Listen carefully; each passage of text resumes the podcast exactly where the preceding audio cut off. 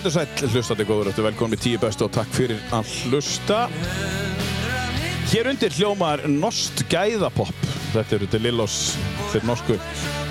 Lag sem heitir Neste Sommer, við fórum að heyra meira af hverju þetta lag er hér á listanum þegar við fórum að tala við viðmælanda minn. En uh, við sittum í podcaststudio Akureyri og sendum út eins og við gerum alltaf psa.is þú vilt hefja þinn podcastferil. Við erum að leita að röttum og erum að uh, leita að röttum í, í hinn ímusu podcast og líka þína eigin hugmynd. Þannig að hafðu samband bara enn á psa.is psa.is og uh, það kostar ekkert að byrja, myndu það og þú far alla hjálp sem þú þart. Þetta er allt ekki á kostunum þannig að uh, það er enginn að fara að rukka það neitt. Hafðu samband í okkur. Svo viljum við þakka kostendunum fyrir, það eru nokkri sem að koma að þessu, það eru Norður Akureyri sem er búin að vera með okkur frá upphæfið nánast, þeir eru búin að hafa trú á verkefninu frá því byrjum í janúar 2021. Takk fyrir það Norður Akureyri, þeir eru á tveimur stöðum og það er gott að æfa, það er nú bara þannig, færðu bara einfallega að vita hvað þú gera hverju sinni og gerir það svo ferðu bara með kofrið samvisku.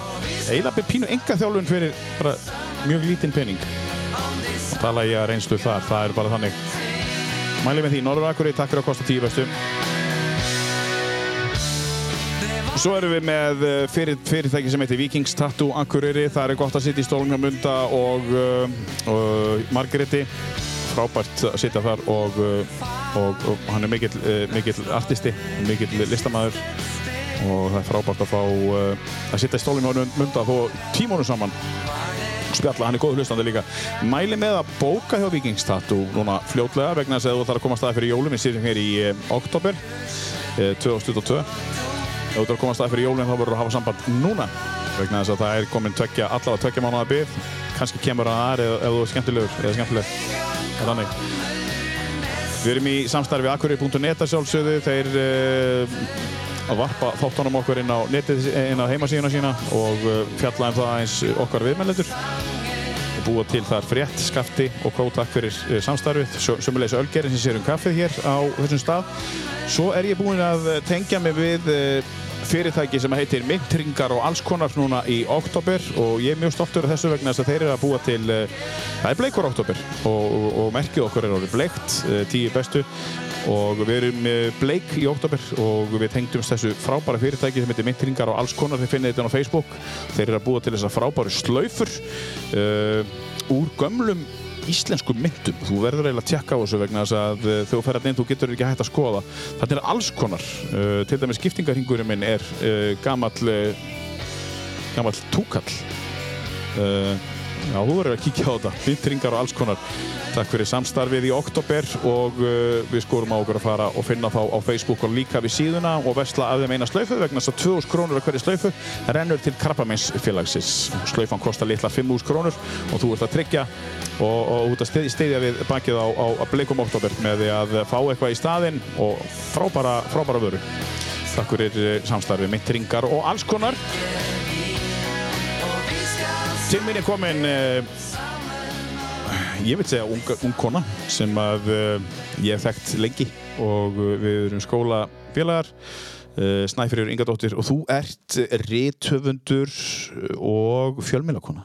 Er það ekki? Eða allavega hana? Já, er það ekki bara ágætti stiðill? Já, má, má ekki segja það? Jú. Jú, segð okkur aðeins hver þú ert, Snæfriður. Þú, þú ert akkurýringur, eða ekki? Í... Jú, ég er fætt og uppalina á Akureyri en mm. flutti svo í burtu og kom svo, endaði svo hérna aftur. Já, hvert, hvert fluttur og, og, og hérna, þú ert búin að vera hér og þar. Við erum eftir að fá ferðarsögur í dag, eða ekki? Ég er búin að vera á nokkur stöðum, eða ekki? Jú, reyndar, reyndar. Þú varst í Reykjavík og Já, ég sem sagt fættist hérna á Akureyri og, og, og sleitt hérna barskónum hérna um, mm. á brekkunni Já. og ég meitt við, við vorum nú saman í grunnskóla mm -hmm. Og síðan bara strax eftir grunnskólan þá fór ég til Reykjavíkur uh, flutti til sýstu minnar Já, eftir grunnskólan bara? Bara strax, ég bara beigði eftir að hurðin á gaggón myndi lokast já, og þá var ég bara að fara í söður er langaði að fara í söður svona stemma? Já, það var nú kannski bara ímsar ástæður sko.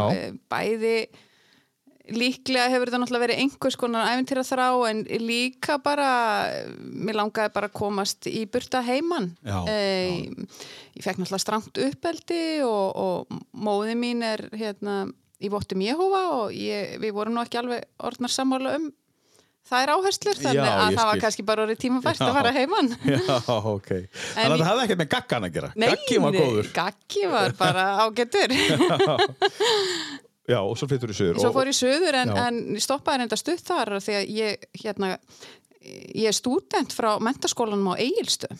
Nú, já, já. Já. Ég, ná, ég náði mér sem sagt í kærasta, Já. e, fór, fór sérst í fjölbreytaskólan í Ármúla, fór svo þaðan sem auper til e, Þískalands Mhm. og kláraði svo hérna e, e, framhaldsskólan á Egilstöðum þar sem ég var bara komin í, í sambúð. Já, hann var bara, Hann skiltu var svona í ármólan. Já, ég kynnt þannig í ármólanum og, og, og hérna, ég fór sem sagt auper til Þískalands eitt vetur og, og, og við vorum alltaf í, í sambandi og endaði með því að sagt við við hérna fórum að búa á eiginstöðum eftir þess að dvöl í Þískalandi. En fóruð að búa, þú varst nú ekki... Ég var, neini, ég var y- y- yngri en 20, sko, ég Já. var bara 19 ára eða eitthvað, ég var bara farin að hérna, halda heimili þá á eiginstöðum. á eigistum, já. Já, já. Og búin að búa í Þýskalandi í eitt ár. Já. Já, og, og, og upp á Akureyri, var strax byrjuð að slíta þessum, þessum, þessar æmintýra þrá að fara ellendist, þú er búin að vera svolítið að ferðast eða ekki? Jú, Líka? jú, jú, það hefur verið svolítið ríkt í mér að, að, hérna, að ferðast. En reyndar núna undanfærin ár þá ég er ég alltaf að fara á sama staðin að, fer eiginlega bara til Kanari nú, nú orði en, en þar á undan þá ferðaðist ég víða bæði á háskóla árunum og, og svo var ég svo heppin að, að hérna að vera að skrifa fyrir til dæmis e, flugstöðabarlað Leifs Eiríkssonar. Já, Og- skí. Nei, Nei, það, Nei, hét, Flugstöðvar, það, hét, það var hérna, já, það Já. var bara sérstætt blað sem var dreift um e, leifstöð og þar á undan hérna þá sá ég um hérna líka hérna blað sem var um borð í, já, hvað hétt þetta flugfélag? uh, Iceland Express. Já, var það ekki? Ek Express eða ekki? Já, eða ekki? Appisínugula og Nei, nei, nei, nei, það var, það var grænt. Íslandsflug. Nei, já, grænt. Ó, ég, vá. Þetta var svona, hérna, það var í rauninni bara Iceland Air og svo kom þetta uh, Já. félag, vá, hvað hétt það nú aftur? Iceland Express, Er það Express. Jú. Voru, ég, mér fannst einhvern veginn þess að vera appisínugult. Ja, skiptir ekki þau flugu allavega til Kaupmannahafnar og Já. London þannig að þá fór ég mikið til Kaupmannahafnar og London til að ná í efni í blaði Já, já, já, já. og svo hef ég bara verið að skrifa mikið um ferðamál í mínu starfi Já, og þú ert ekki ferðamála fræðingur sem margir halda, þú ert, ert, ert blamaður. Ég er í grunninn bara blaðamar Já, og Og- fréttakona. Já, Já. ég vunni líka við fréttir Já, en ég sem sagt uh, uh, ef ég á að fara yfir hvað ég menti þá hérna, ég sem sagt uh, ég fór í háskólan í, Reykjavík, tók íslensku já, meðan ég var að reyna að komast inn í blaðamannaskóla í Oslo. já, já, já. Ég, það var alltaf draumurinn að verða einhvers konar blaðamaður. Ég var strax komin inn á þessa braut bara strax í, í grunnskóla. já, Um, ég var alltaf skrifandi, ljóð, sögur já. og slíkt en, en sá náttúrulega fljótt að, að uh, það kannski var erfitt að vera rítöfundur þannig að blaðamaður var svona að næsta. Mm Er það þá að meina fjárhagslega?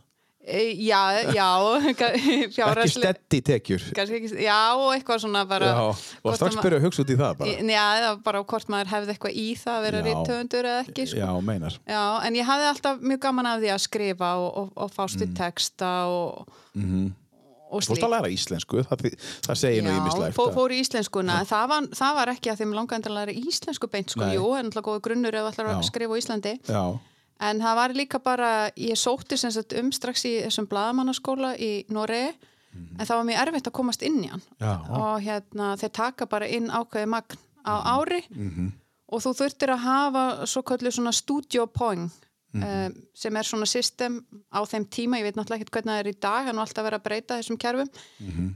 og þú gast sapnaðir studio point með því að annarkvort að hafa verið að skrifa verið bladamaður áður á einhverjum blöðum fengið eitthvað byrt eða tekið annað nám, þú veist. Já, hérna, nám gaf líka já. Þú þurftir að fá, hafa það til þess að komast inn í skólan Já, að þess að hjálpa að komast já, að já, Og þessi skóli í Nóri, já. þú fóst, þú fóst í þennan skóla. Já, ég byrjaði reyndar á því að Komst inn? Já, fyrst hérna þá er endi kæristinn minn hérna, hann fór nefnilega í nám í Noregi og ég í rauninni fylgdi honum Já, og við byggum fyrst í Kongsberg já, og þar fór ég í, hérna, tók ég heimsbyggi Já. uh, utan skóla frá universiteti í Oslo til að sapna mér í mitt stúdíopóing til að komast inn í námi sem ég vildi fara inn í og þar lærði ég náttúrulega bara norskuna og Já. var svona undirbúið með undir þetta Það var kent á norsku. það var kent á norsku, já, já, já. Hvernig var það? Kunnir eitthvað norsku áður um fóst? Nei, kunni ekki neitt í norsku. Nei, og hvernig, hvernig, hvernig kom út til þín? það bara, það, þetta var bara svo eðlilegt að- Já. ná norskunni, þetta bara kom. Já, auðveldara heldur að mörgu Ég leyti. veit það ekki, ég menna öruglega ekki held ég sko, ef þú hefði búið í Danmarku þá hefði þetta bara Mm þarf nátt, þetta er allt annað þegar þú ert á staðnum sko Mhm. og, og hérna, ég fór að vinna á veitingastað líka og þetta bara, Talaði mikið já, já. Mitt, það er bara Já. það sem skiptir máli með allt, öll Já. tungumál Já, já. og ég var náttúrulega áður búin að ná þýskunni ég hefði náttúrulega verið Já. auper Já. í eitt ár þannig að þýskan var komin Mhm. Já, og hún kom bara á einu ári. Bara, ég, já, ég, hún, ég fór þarna ég var auper í Frankfurt Já. og ég var semst 18 ára þegar ég fer sem auper í Frankfurt til fjölskyldu með eitt bann og ég talaði enga því sko ég hafði, verið á málabraut í, í fjölbreytaskólanum í Ármúla en hafði fallið mitt í þýsku tvisvar já. þannig að ég ákvað bara að grípa til Mm aðgerða já, en, svo Já, var, já, en ég meina svo líka var bara þessi æfintýra þrá og það að fara sem auper þetta var svona auðveld leið til að komast út í heim Og, og, og auðvitað bara fínt að fara til Þýskalands að því að bara, ég þarf að bæta þýskuna. Já, já. Bara let's go. þannig ég fór til Þýskalands og ég sagði ekki orð í tvo mánu Nei. svo bara allt í einu bara byrjaði ég að tala og það var svo skrítið þá bara talaði ég þýsku Já, já, þú hlustaði bara. ég hlustaði bara einhvern veginn og það var mjög erfitt fyrst, þessar fyrstu Já. tvo mánu en svo allt í einu bara En, en enska, það er enginn að tala ensku eh, mjög fáur. eða? jú, það var náttúrulega því ég gæti alveg gert mér skiljanlega á ennsku en ég var náttúrulega með bann allan Já, daginn sem ég átti já. að passa sem talaði náttúrulega ekki ennsku Nei. En það sem gerðist við það að vera uh, auper og innan um börn og alla daga, þá hérna lærði ég svolítið svona krakka þýsku og það var leiði pínu að mér út af því til dæmis eins og ef ég fór kannski, fór á barina með einhverjum vinnum mínum og, og þá saði ég kannski, ég þurfti að fara á salerni ich muss pipi machen. En það er enginn sem segir það að fullorðinu fólki ich muss pipi machen, það er eitthvað sem krakkar segja. Pípi, já.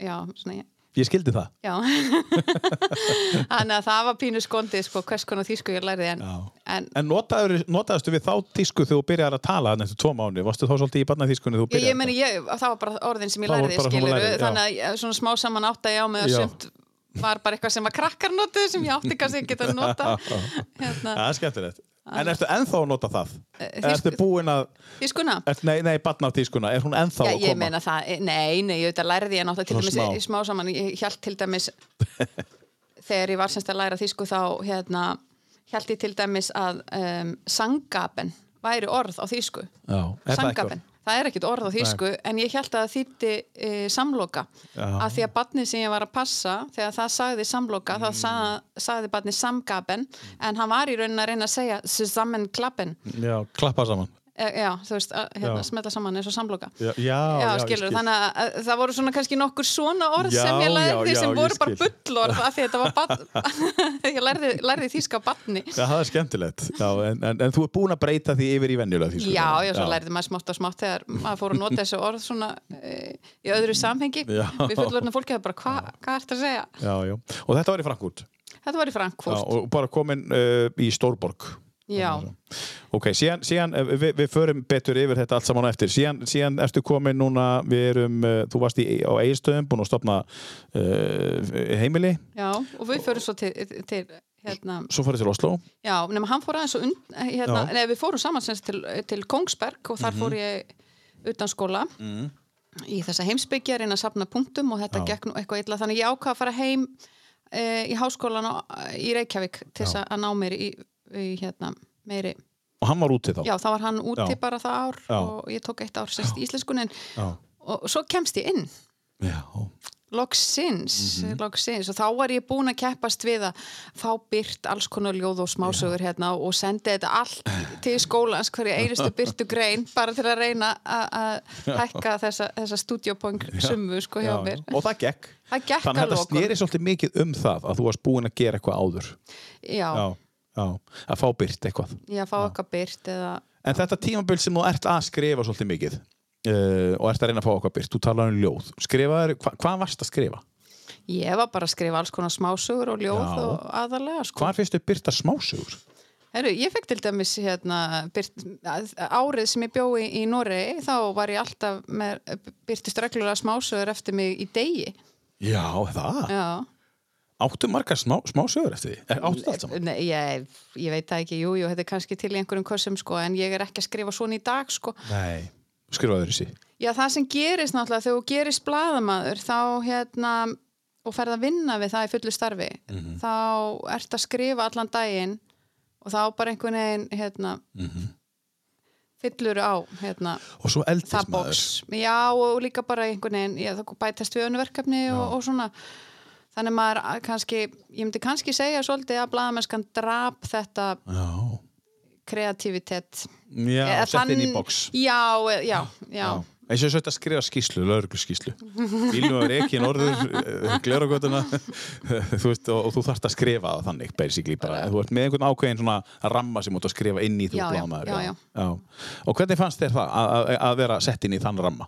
Það var bara allt í læg, sko, Já, þetta var mjög, ég bara, þetta, ég myndi segja að þessi háskólanám í Norri, þau bara, voru svona bara einn skemmtilegasti tími Já. lífsins, sko, hérna, þetta var ótrúlega áhugaveru tími, Já. ég man bara eftir þessar tilfinningu, ég fór í skólan og Mhm. þegar skóladeginum lauk, mér langaði bara einhvern veginn að segja öllum heiminum hvað ég hefði verið að læra, þetta var svo, allt var svo áhugavert og spennandi og mikið vá, Vá, sko, vá.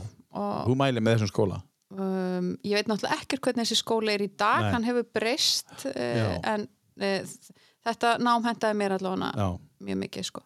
Hvað varstu lengi úti í Nóri? Þetta, sko þetta nám var bara tvö ár um, en ég var lengur Já. ég var áfram í Noregi þegar hérna, Já. þessu námi lauki skráði mig til dæmis í mannfræði í hérna Já, já. háskólanum en endist ekkit í því og, Mannfræði, íslensku, heimspeki Þetta er svolítið svona er svolítið svona, svona öðruvísi uh, mentun svona, þú ert að sækjast í Nei, nei. eða þú ert að sækja svona Heimspeki til dæmis, ég meina flestir þurfa að taka eh, grunnkurs í heimspeki Já, er það? Já, en eða- mannfræði, meina Já, en ég, eins, eins og ég sagði, ég fór nú í mannfræði bara til að vera eitthvað, hafa eitthvað að gera en ég Já. gafst upp á því, ég, ég fann að það átti svo sem við mig, ég vildi bara fara að vinna Já. en, eh, En sagnfræði, hefur það eitthvað komið til líka? Nei, nei, nei, en, en aftur á móti sko það sem ég bætt við mig eftir, eftir ég kláraði í Blamanháskólan þá ég tók leiðsögumannin. Já, þannig ég með leiðsögur réttindin Mhm. og svo tók ég verkefnastjórnun. Já, já, já, en já, já. já, En þú ert svolítið að vinna, þú ert bara ein eða þú ert, þú ert eigin yfirmaður í dag. Í dag, ekki, já. en bara eftir að ég úskriða sem blæðmar þá náttúrulega fór ég bara að vinna á Mhm. hinum á þessum fjölmiðlum og hef unnið uh, bæði við dagblöð, Mhm. tímarit útvarp og sjónvarp, þannig ég fengist við alls konar og, og fengi að vera ótrúlega heppin, fengi að gera ótrúlega já. mörg skemmtilega verkefni Þegar þú kemur frá Nóri um, hvað voru mörg ári í Nóri? Cirka fjör ár? Mm. Mm, það hafi ekki verið sex, Sex ár, já. sex, já. Hvað gerist þú kemur heim? Eða hvað, hvað tekur við þá? Ég sem sagt uh, byrjaði á því að vinna á DFF Já, tjáf, já. Já, Já. það var mín svona já, ég tók starfsnám fyrst á mokkanum eitt sumar, síðan fór ég í fasta vinna á DFF, fór að vinna á Fókus sem var svona fylgiblað hérna, uh, einmitt, DFF man-. Já, og svona hipp og kúl blað og, hérna, Mhm. og rosa lífilegt að vinna þar. Já, En það sem gerðist var það að uh, fljótlega eftir ég flutti heim þá uh, hættum við saman við, ég og, og, og minn fyrirverandi já, þá bara fórum í sikkur áttina já, en síðan bara, þú veist síðan fór ég að vinna á skjá einum til dæmis, Já. eða fréttunum á skjá einum akkurat. sem var líka mjög áhugaver reynsla, það var svona öðruvísi fréttastöð Mm Og svo þegar þú búinn þar, hvenær kemur þú norður aftur? Nei, það, ég, það er svo lang ég, ég, hvað varstu lengi er ekki? í Reykjavík ég, ég var mörg ár í Reykjavík hérna, ég var semst bara alltaf eitthvað að vinna á einhverjum fjölmjölum Mhm. og bara uh, fannst það ótrúlega spennandi og, og svona. Mhm. svo kynist ég nú manninum mínum uh, 2006 Já, og uh, við giftum okkur 2007 já. Já, þú hefur verið það viss bara. Bara árið setna bara go. já, Já, já eða hann líka. hann líka, já, sko við vorum trúlóðu sko innan háls árs. Já, Þið bara vissu þetta. Já, það var bara einhvern veginn hérna, já, það Já. bara einhvern veginn small. Við höfum bæði verið áður í sam, löngum samböndum, hann að við kannski Já. vissum líka hvað við vorum að leita að. Mm um, vinkonu mín að hlæja náttúrulega mjög mikið að mér uh, varandi ennan tíma, ég var sem sagt einhleip og var orðin hvað 34 ára. Var einhleip, var með spángir Já, Já, já, ég var í tannrættingum og, Já, og, já. og kannski ekkert svona frínileg. Og var þar að auki með uh, hálklárað gamalt hús í miðbæ uh, Reykjavíkur sem ég var eitthvað að djöblast í. Þannig að ef ég var svo heppin að einhver hérna, fylgdi mér nú heim þá bara uh, þegar þið sáu náttúrulega hreysi sem ég bjói það voru flesti bara vúf, vú, þessi kona er með pakka maður. En ég var bara mjög ákveðin á þessum tíma. Ég, ég, vil, ég var með kröfur. Ég vildi mann sem var vel sildur sem var ballaus, sem var reiklaus sem var þetta og hitt. Ég var bara með langan lista og vinkonu mínu þær hristu bara hausinn. Snæfrjur, hvernig væri nú að slaka þess á í kröfunum. já. það var flestir á þessum aldri voru konni með eitt, Já. tvö börn já, börnjabel Já, sko já, og já. hérna. Já. En ég gaf mig ekkert. Nei, nei, þú bara leitaðir og leitaðir. Mm, já, ég var bara, eða, svo sem ekki alveg bara hérna. Nei, nei, þú varst ekki en ég var bara ekkert að eða tímanum þú veist. Þú leiðir þess að koma? Mm, já, ég, þú veist ég, ég fann það bara að það átti ekki við mig að taka við, við, manni sem var með svona stóran farangur, ég hafði Mhm. bara ekkert í það. Uh, á meðan vinkonu mína voru ofta eitthvað að- ringla í svona alls konar samböndi, ég var ekkert eða tímanum. Nei. í þetta, ég var bara að býða eftir Já. því sem ég vildi. Vel sildur Já, bara hafði eitthvað, þú veist, farið eh, út fyrir landsteinana Já, og, já. og svona eitthvað Já. gert eitthvað, sko. Já, já, já Og, hérna, og það, þessi maður, hann kom bara til mín, sem sagt, þá eitt kvöld á Ölstofunni. Já, sæl ég vel sildur Já, og það sem var svo gaman með hann, sko, hann, hérna, þá var hann tiltölu nýfluttur heim frá Danmörku, hann hafði búið lengi í Danmörku og þegar hann fylgdi mér heim, þá bara sá hann þetta gamla unda hús og í staðin fyrir að hlaupa í burtu þá hugsa hann bara, vá, hér er tækifæri. Hér er, ég, ég þarf bara að gerast hérna, húsasmiðamistar ef ég ætla hérna, að eiga eitthvað í þessa konu. Já. Sem hann gerði þá hann var sem sagt markmjöluna hönnur þegar við kyn, kynntumst. Já, en fór svo í húsasmiðin já. Eftir að við, Það er uppeyja eftir að við byrjum saman sko. Út af miðbæ, húsinu miðbæri Já, ég veit það ekki, ég held að hafi nú líka alltaf blundað í honum en, Já, já. en, en þetta, það, þetta hús í miðbænum sem ég átti, sem var í niðuníslu það, það svona kannski ítti við þessu að Mm. Hann skipti um En, en, starfsveril en réðist hann í verkefnið, í húsið? Já, já, Já, já, já, við vorum saman að djöblast í já, þessu. Já, já. Frábært. Uh, um, Segð okkur nú hver maðurinn er. Herðu, hann heitir Mattias Kristjánsson. Já, húsasmiðamestari smeðmestari, já, já. Og, og markmilur hennur. Já, uh, Já, jú, jú. Þó hann kannski starfi ekki við það í dag. Mm, Já, minna allavega. Já, Getur tekið eitthvað að sér. Já, já, uh, og, og svo börn, börnin öll, eða hvað eru mörg?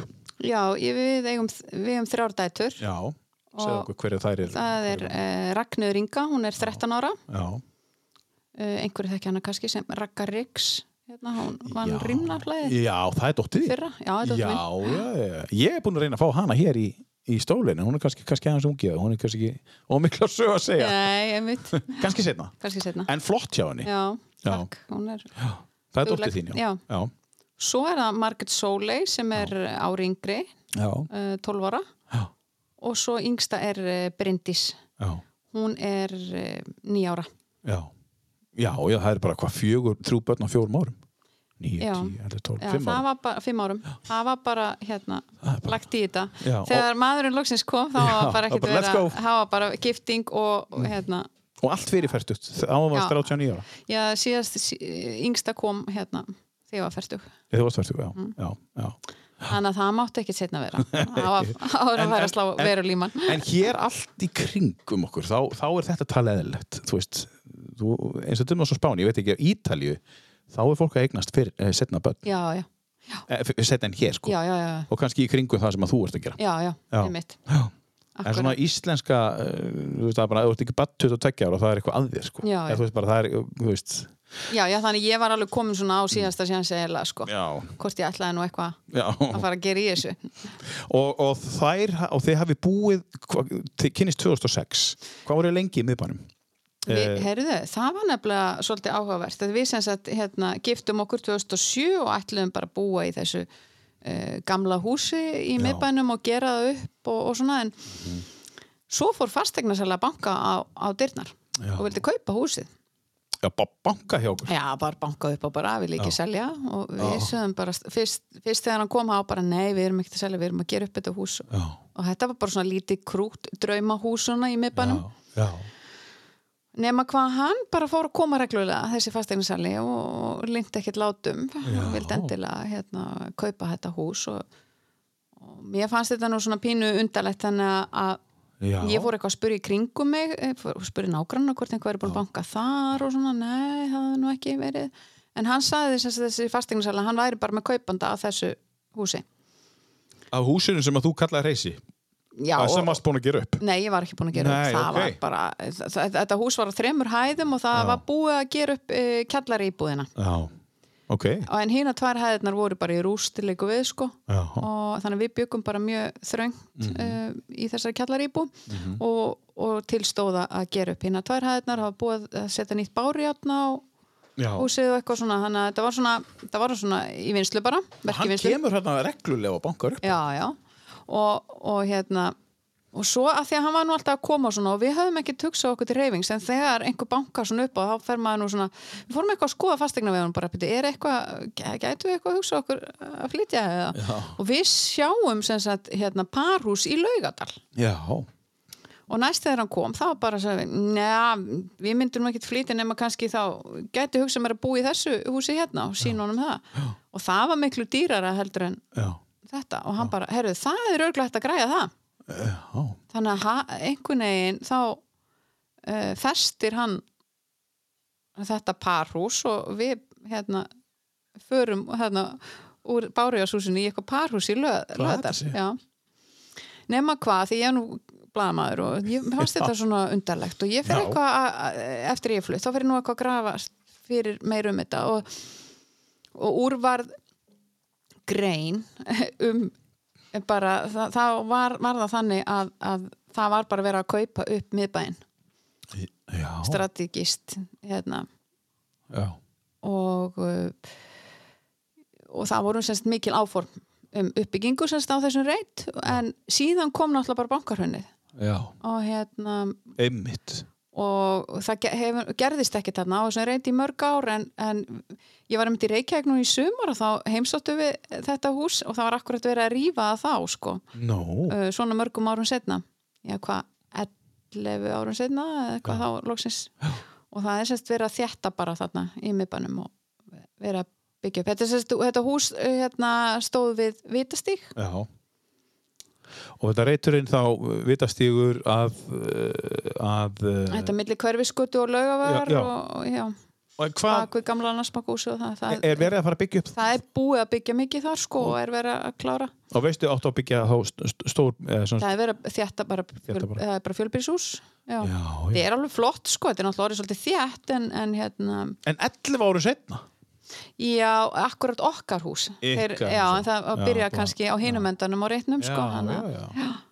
en er ekki ennþá búið að banka upp á nákvæmlega þá, er hann bara býr hann ennþá Nei, nei, nei, það er búið að kaupa þetta alls saman sko. Já, já, ok. já, já, það er búið að já, já, ok, það er bara Já. frábært þannig að þú skrifaði grein um þetta Já, ég minnum, ég, ég fór bara eitthvað að gramsa í Já, þessu já. og þá hérna Blaðamaðurinn í þér. Já, og þá uh, fann ég þetta út já, En allavega við flytjum bara í laugadalinn og, og uh, töldum okkur hafa gert bara góð kaup þarna. Þetta svona, þetta hús var náttúrulega allt og stórt við varum bara tvö.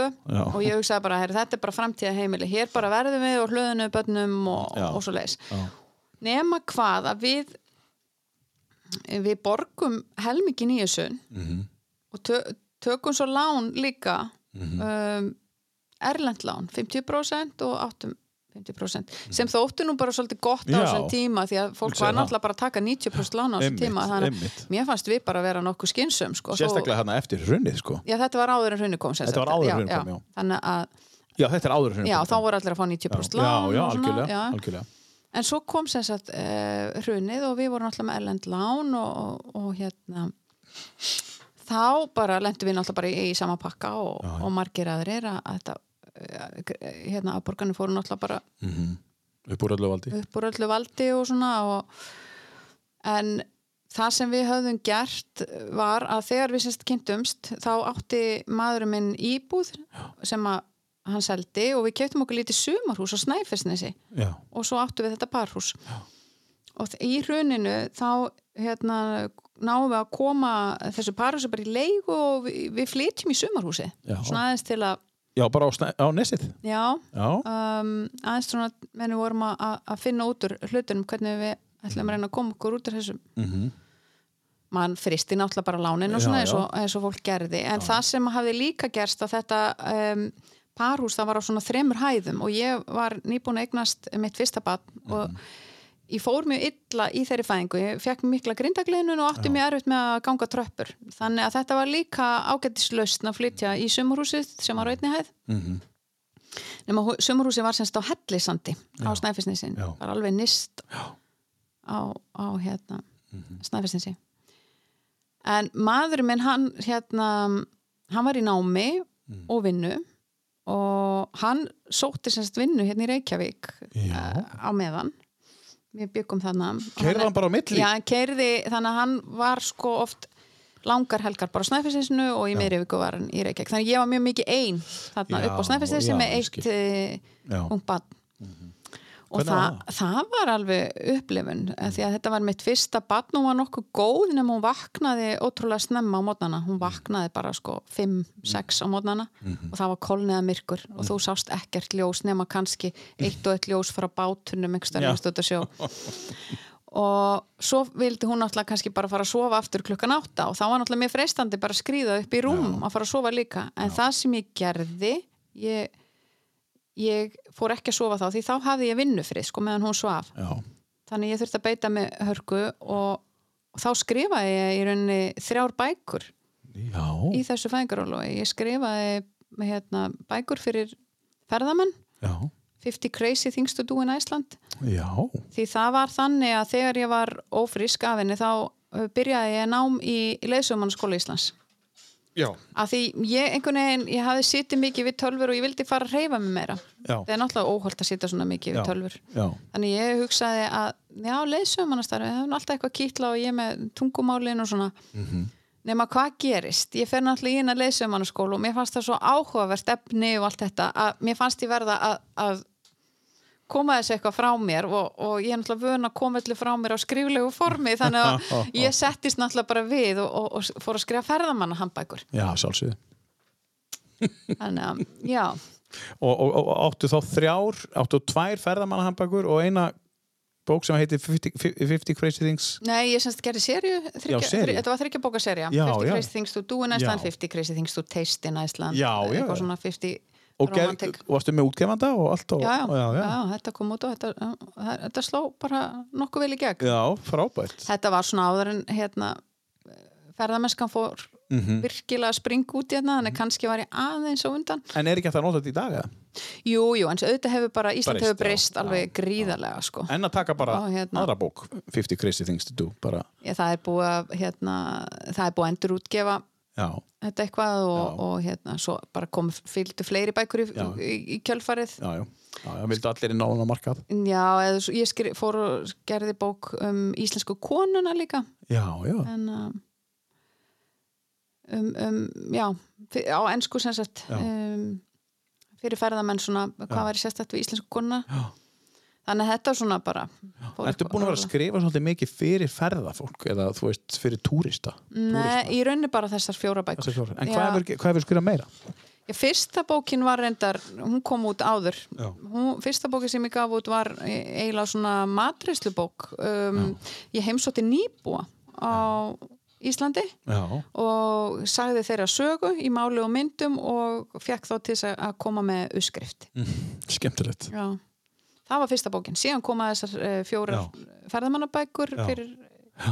erlenda ferðamenn á leið til Íslands en síðan hef ég bara verið að skrifa handbækur uh, um ég sem skrifaði bók um Tenerife handbók, já. ég er búin að skrifa tvær í rauninni handbækur um Tenerife Já. hvað svona það sem ég er að benda Íslendingum á hvað er hægt að gera ef maður vill gera eitthvað meira heldur en bara mm -hmm. líki sólbæði því það er fullt að skoða á þessari eigu sko mm -hmm. og svo gerði ég aðra bók í samstarfi við eh, Röggu dóttu mína, svona krakkabók um Tenerife, allt sem að krakkar geta gert á Tenerife já, já. og svo ég ger sambarilega bók um Gran Canaria og er að vinna núna að þriðju bókinni um Costa Blanca svæðið Já, já, já, en hvað eru konar margar bækur útgefnar? Eftir mig? Já hvað er ég að tellja upp? Já, svo hef ég gert eina, eina bók um íbúaskipti handbók um íbúaskipti og svo síðasta bók sem ég gaf út var hérna handbók um, um það hvernig á að flytja til spánar eða langar til að prófa að búa á spáni. Mm -hmm.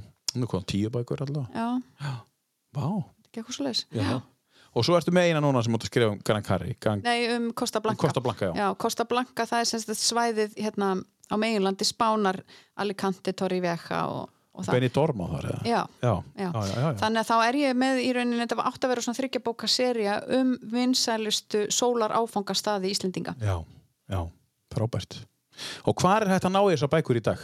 Snæfrýður? Bara Eymundsson selur þetta til dæmis Eymundsson, já. já Og svo er ég sjálf uh, seljar í minni einn vefverslun á heimasíðinu Lífið eða ferðalag Lífiðeferralag.is Já. Já, ok, frábært. Við ætlum að, við ætlum að brjóta allt saman niður hérna á eftir. Þú férst hins vegar verkefni, eh, verðugtu verkefni að, að, að finna tíu lög eins og allir fá. Snæfrýr, hvernig, hvernig eh, náður einhver svona me time eða var það að blóta mér í hvert einu sem skipti? Ég var að segja, þetta var mjög áhugavert verkefni að fá að velja tíu já, upp á slögin sín því það er mjög erfitt verkefni að því að þessi listi, hann breytist náttúrulega alltaf. Já, hann er síbreytilegur. Af því að um, það sem ég hlusta á í dag er alls ekki að sama og ég hlusta á fyrir nokkrum árum síðan mm -hmm. og, og, og er, er alltaf að breytast. Þannig að lögin sem lendi á sem lista þetta var nú bara svona það sem mhm. kom, þetta er kannski ekki endilega tíu upp á lögin mín þannig laga en kannski svona einhver lög, ég valdi svona kannski lög sem lýsa mér já. og, og, og kannski já, hafa haft kannski einhverja þýðingu á, á æfiskeiðinu, mm -hmm. en ég er þannig, manneskja, ég hlusta í rauninni kannski ekkit svo mikið á tónlist ég áttaði með á því.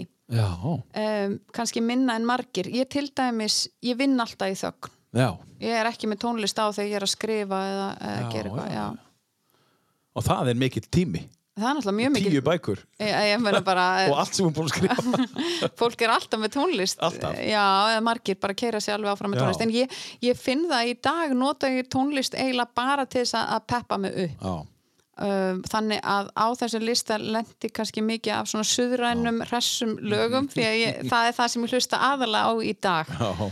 svolítið svona mm, salsa keimur kannski. Það er, eitthvað, það er eitthvað svona suðrænt í mér. En finnst þið gaman að dansa? Mér finnst gaman að dansa og ég ger allt og lítið að því. Já, það er ekki þetta að dansa hér þú eru bara að dansa heima þér. Það Já. er ekki einn staðu sem ættir að dansa Nei, það er hræðilegt sko. það er hræðilegt sko. En þegar þú ert úti, minna, er ekki alltaf eitthvað um að vera á kvöldin alltaf vera að bjóða fólki að dansa á einhverju salsastemming og... Jú, það er meira, meira Já, því það er meira já. því sko. Það er svona vantar þessa menningu hérna. Já. ég, ég veit ekki hvernig þetta er á- í Reykjavík en, en, en það vantar allavega hérna á Akureyri. Uh, Á hverju eigum við að byrja?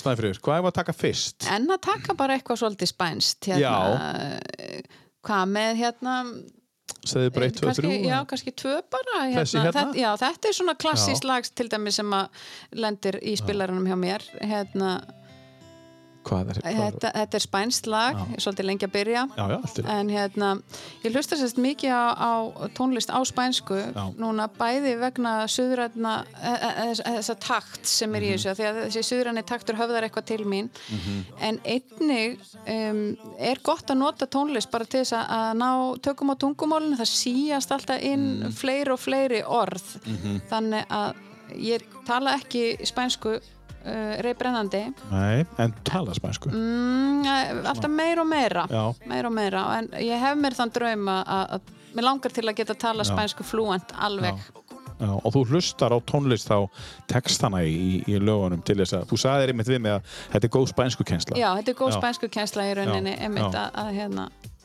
Þannig að þetta, þetta lag til dæmis, það er bara lag sem til dæmis er á, á þessum spænska playlista mínum. Já, frábært. Heyrim þetta uh, lag með hljómsið sem heitir Maluma Fel Felices Los uh, Quadros. Quadros. Já, takk fyrir þessu.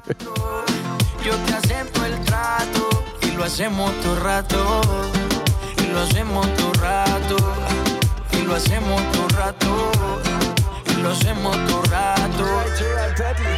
Y lo hacemos todo rato. Y lo nuestro no depende de impacto. Disfruta y solo siente el impacto. El boom boom que te quema ese cuerpo de sirena. Tranquila que no creo en contratos. Y tú menos. Y siempre que se va, regresa a mí. Y felices los cuatro. No importa el que dirán, no puta sí. Acá andamos el cuarto, Y siempre que se va, regresa a mí. Y felices los cuatro.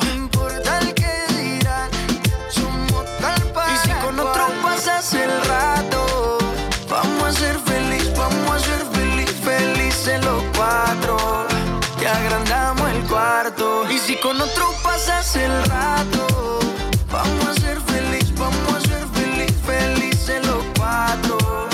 Yo te acepto el trato y lo hacemos todo rato. Y lo hacemos todo rato. Y lo hacemos todo rato. Y lo hacemos todo rato. Si conmigo te quedas o con otro tú te vas. No me importa un carajo porque sé que volverás. Si conmigo te quedas o con otro tú te vas. No me importa un carajo porque sé que volverás. Y si con otro pasas el rato,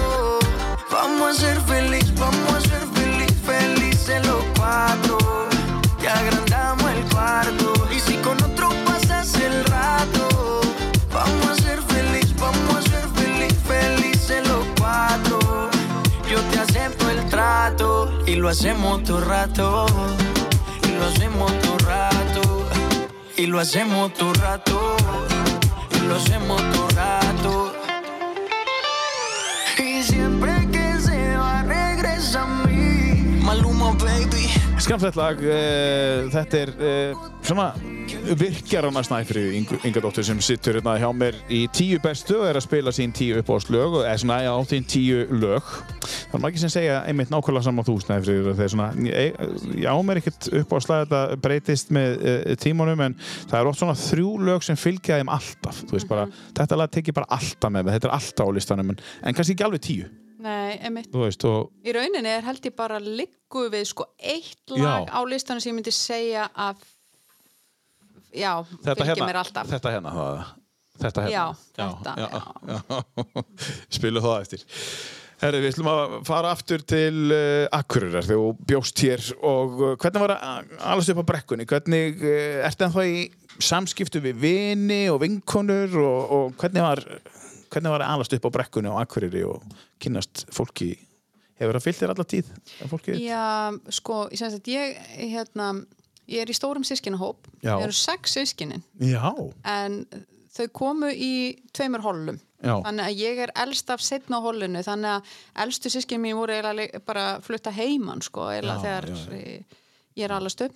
já þau hafa skipt þessu bara svona í tvennt Já, eiginlega, já, komið þetta smá pása. Já, Sniðut Já, svolítið sniðut.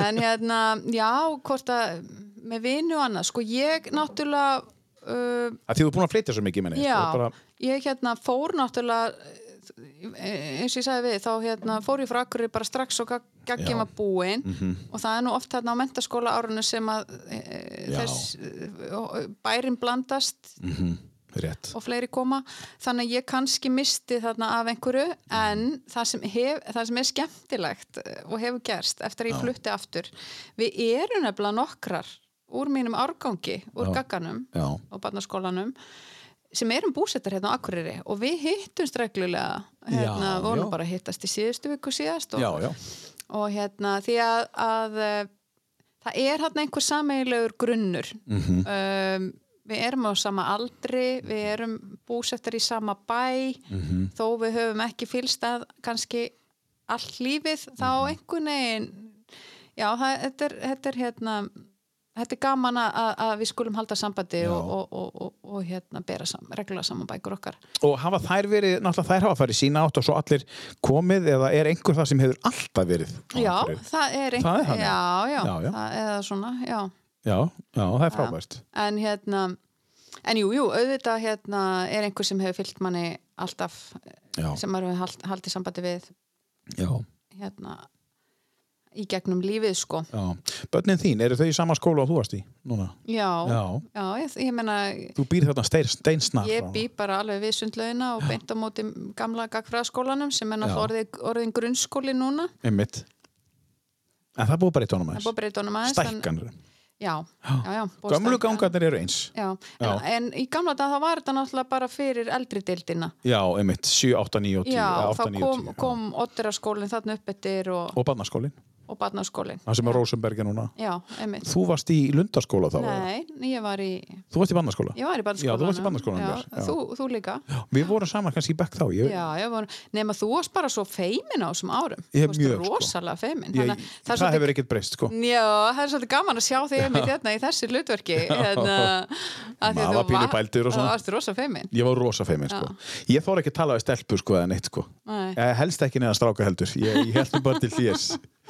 En já, ég var mjög feimin. En, en sko, jú, kannski hefur það breyst eitthvað. En í grunninn er ég feimin.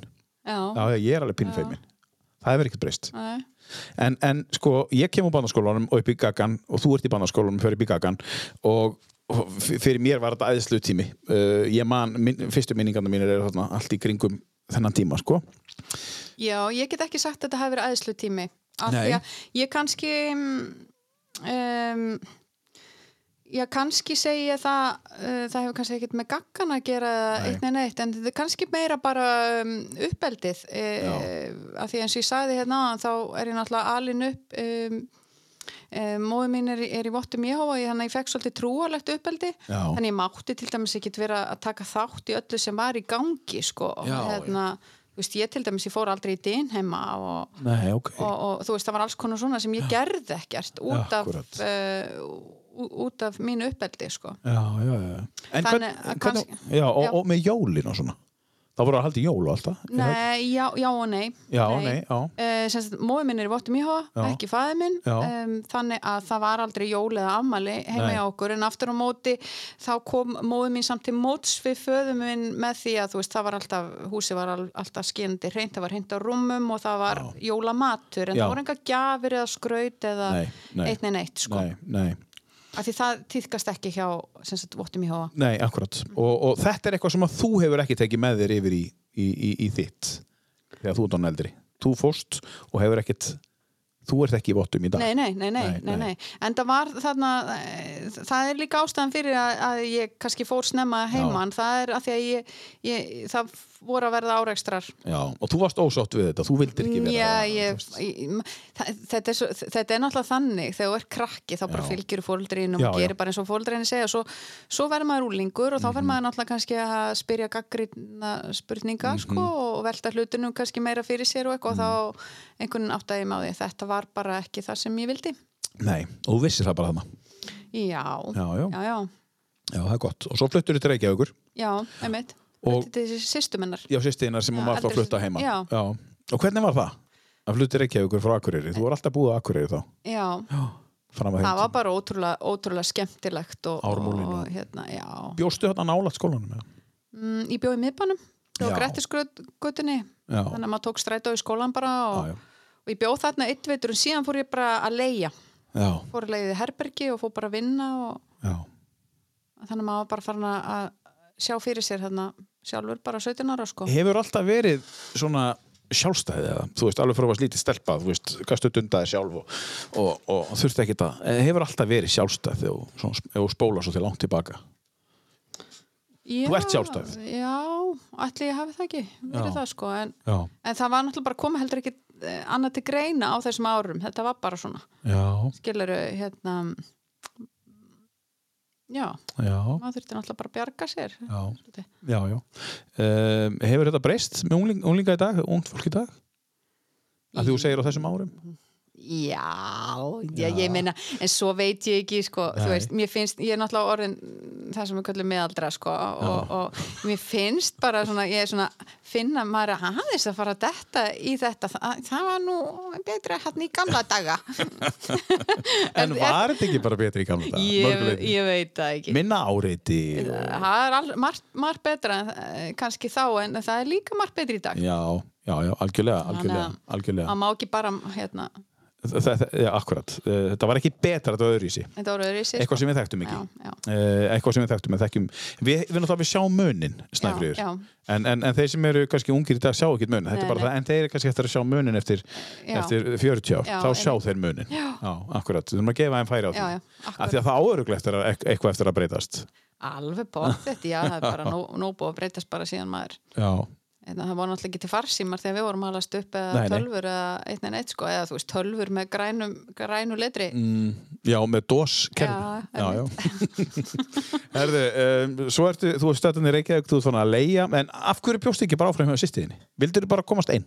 Bara, Já, sýsti mín var náttúrulega bara bjóð þröngt og, og hérna var með börn og annað sko Já, já. og hérna það hendaði bara betur ef ég hérna já, fær að leiða mitt eigi herbyggi, ég var ekki með eigi herbyggi hjá henni sko, Nei. ég bara svæði barnaherbygginu hjá henni og já, ég skil Þetta var bara svona kontu, ég skal bjarga þér þangar til þú finnur já, já, það var svolítið þannig bara og svo Já. var ég bara orðin það sjálfstæði, ég gætt bara búið einn Áður við höldum áfram þaðan, segja okkur einhver sískinniðin eru Sískinu mín, um, Já. elsta, elsta sýsti mín hún heitir Aðlur Mhm. Ingadóttir og hún býr hérna á Akureyri mm. Svo er það Björg Ingadóttir, hún býr í Reykjavík, Reyku Vestlununa Spaksmansbjarir. Já, já, það er sýstin Svo er bróði minn Óttar Ingason. mm. Uh, Mikill landrófum maður Jú, jú, mitt. hann er hérna Akureyri líka. Já, já. Svo er það Svanlug Ingadóttir, sýsti mín, hún býr í Reykjavík. Já, Og Helga Ingadóttir, hún býr hérna á Akureyri og kennari. Læra skóla. þá þrjú, þrjú, þrjú Þeir eru fjögur hérna á Akureyri. Já. Já Og eru þið í góðum samskiptum og hittist þið reglulega? Já, þetta, að þetta er stór hópur Já. þá er þetta hérna, svolítið þannig að, að hérna, uh, fólk hefur svolítið valið sér svona hérna, Já, sín uppáhalds já, þannig að þú veist sumir er í meiri samskiptum Já, já, en aðrir skil. innan hópsins sko, skil, en hérna Já, en svo er þetta náttúrulega bara eins og með lífið sko, hérna uh, stundum hittist maður meira og stundum minna og allir eru uppteknir í, í sínu sko. En eru þið öll að hittast á einhverjum ákvörnum dögum ásins? Eða Hittist þið öll, Við- þú veist, í Það var til, það, í sumar hittust við öll það Já. er sjaldan að við náum, náum öllum saman, Einmitt, þú veist, að því við erum sex sískin en, og þau búa líka Reykjavík og... já, já, alls konar og þú veist, ég hef verið í Erlendis og, Já, og já. sýsti mér var líka í námi lengi í Noregi og Mhm. þannig að þetta er svona, fólk hefur verið dreift en við til dæmis hittumst öll í sumar og þá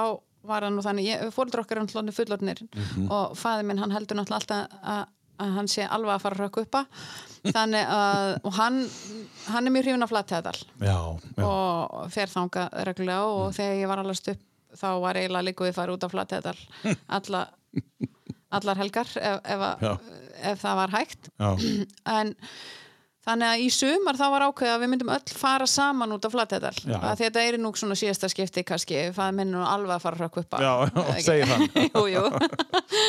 og hérna það var ákveðið að við myndum ganga yfir allar árnar á flatteðal þær eru nú ófáar, ég held að sé alveg já. 12 eða 14 Já, já, þannig að við óðum allar ár. Já, skemmtilegt. Um, og, Og hann með? já, já, og mamma líka og svo bara gist út á daleinu nótt og svona. Já, já, En- þau gömlu, þau voru náttúrulega bara hefðu aldrei verið hressari sko. Nei, þetta Eh, var bara besta. Þe- Þetta gamla liði yngist náttúrulega upp við að gera eitthvað svona sko, Öll börnin alltaf saman og Já, og bara, já, og vera út í náttúrunni vað einhverja ár og á Já, já. upp á staðnum ég meina, ég sagði líka við pappa pappi, þú ert nú ekkert að fara að rökka upp Nei, sko.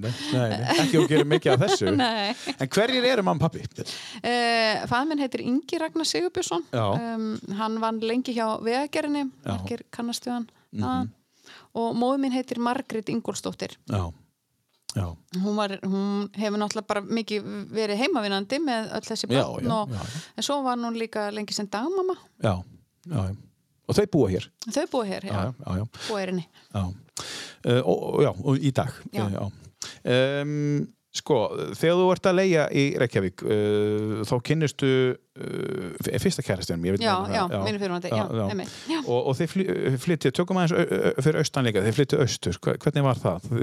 Fluttuðu þá til tengdafóruldarinn eða, Nei, við fluttum, við fórum semst bara að leia íbúð Já, á eigistum mín, ég hafði náttúrulega komið nokkru sinnum hérna í Mhm. heimsótt til tengdafóreldrana og, og mér þykir afskapla væntum þessa fyrirvændi tengdafóreldra mína því að Mhm. E, þeir maður átta sér náttúrulega ekkert á því fyrir maður eignar sjálfur börn sko, það er náttúrulega ekkert sjálf gefið að fá einhvern bara úlling inn á heimilið sko og, og taka hann svona opnum örmum sko. Já. Það er náttúrulega bara auka batni með þau áttu sjálf um, fjögubörn Já, já, já. og hérna uh, þetta var elsti sonu þeirra og þau tóku mér virkilega opnum örmum og, og hérna ég liggu við bara já. þú veist Þú kannt að meta það betur í dag. ég kann virkilega að meta kannski kunni ég ekki nógu að meta þá ekki að bara Nei. vegna þess að maður var ekki nógu þroskaður sko. Já. en ég sé það virkilega eftir á bara hérna, að þetta var alls ekki sjálfgef og ég var ótrúlega heppin Já. og hérna og uh, þau byggu í Hallandstaðskói hann var skortastjóri þar, Jón. Loftsson og Berit Jónsson hérna. Mhm, Já, já. þannig kom tengingin við Noreg því að sagt, mamma hans var norsk Já, og þess vegna fór hann í nám Í til Noregs og, og hérna, við endum í í Noregi þarna um tíma já hann, hún er norsk. Berit Jónsson. En, en hérna, uh, tökum lag og síðan þegar það er búið þá förum við til uh, Oslo og tölum aðeins um Noreg og þessi sex við voru, voru þar. Hvað, er eitthvað sem fylgir, er eitthvað lag sem kemur? Jú, herðu, við byrjuðum náttúrulega á, ég glemt að tala um það, við byrjuðum á til Lillos, neste sommer, það, við byrjuðum þáttin á því. já, Uh, um, þú ert með annar lag með Já. til Lillos, eða spila já þá? aðeins Að því að við erum á leiðin til Noreg svo eftir. Hva, hva, hvernig, af hverju er þessi hljónsveit af öllum norsku hljónsveitunum? mm, veit ekki, bara þetta er eitthvað sem var mikið hlusta á, Já. hérna, á þessum árum mínum í, í Noregi Já, var þetta svona vinsalasta þá eða, eða svona vinsalt þetta? þetta var vinsalt þá, já, Já. og bara fallegir textar Já. sérstaklega og þægileg tónlist já. Já, já. Glemti mínir heitir, heitir lagið. Um, Delillos við byrjuðum þáttin á uh, lagi sem heitir Nesti Sommer með Delillos. Um, hún gæti ekki valið, við verðum að spila bæði lögin. Það er nú bara þannig. Við skulum heyra brotur þessu fína lagi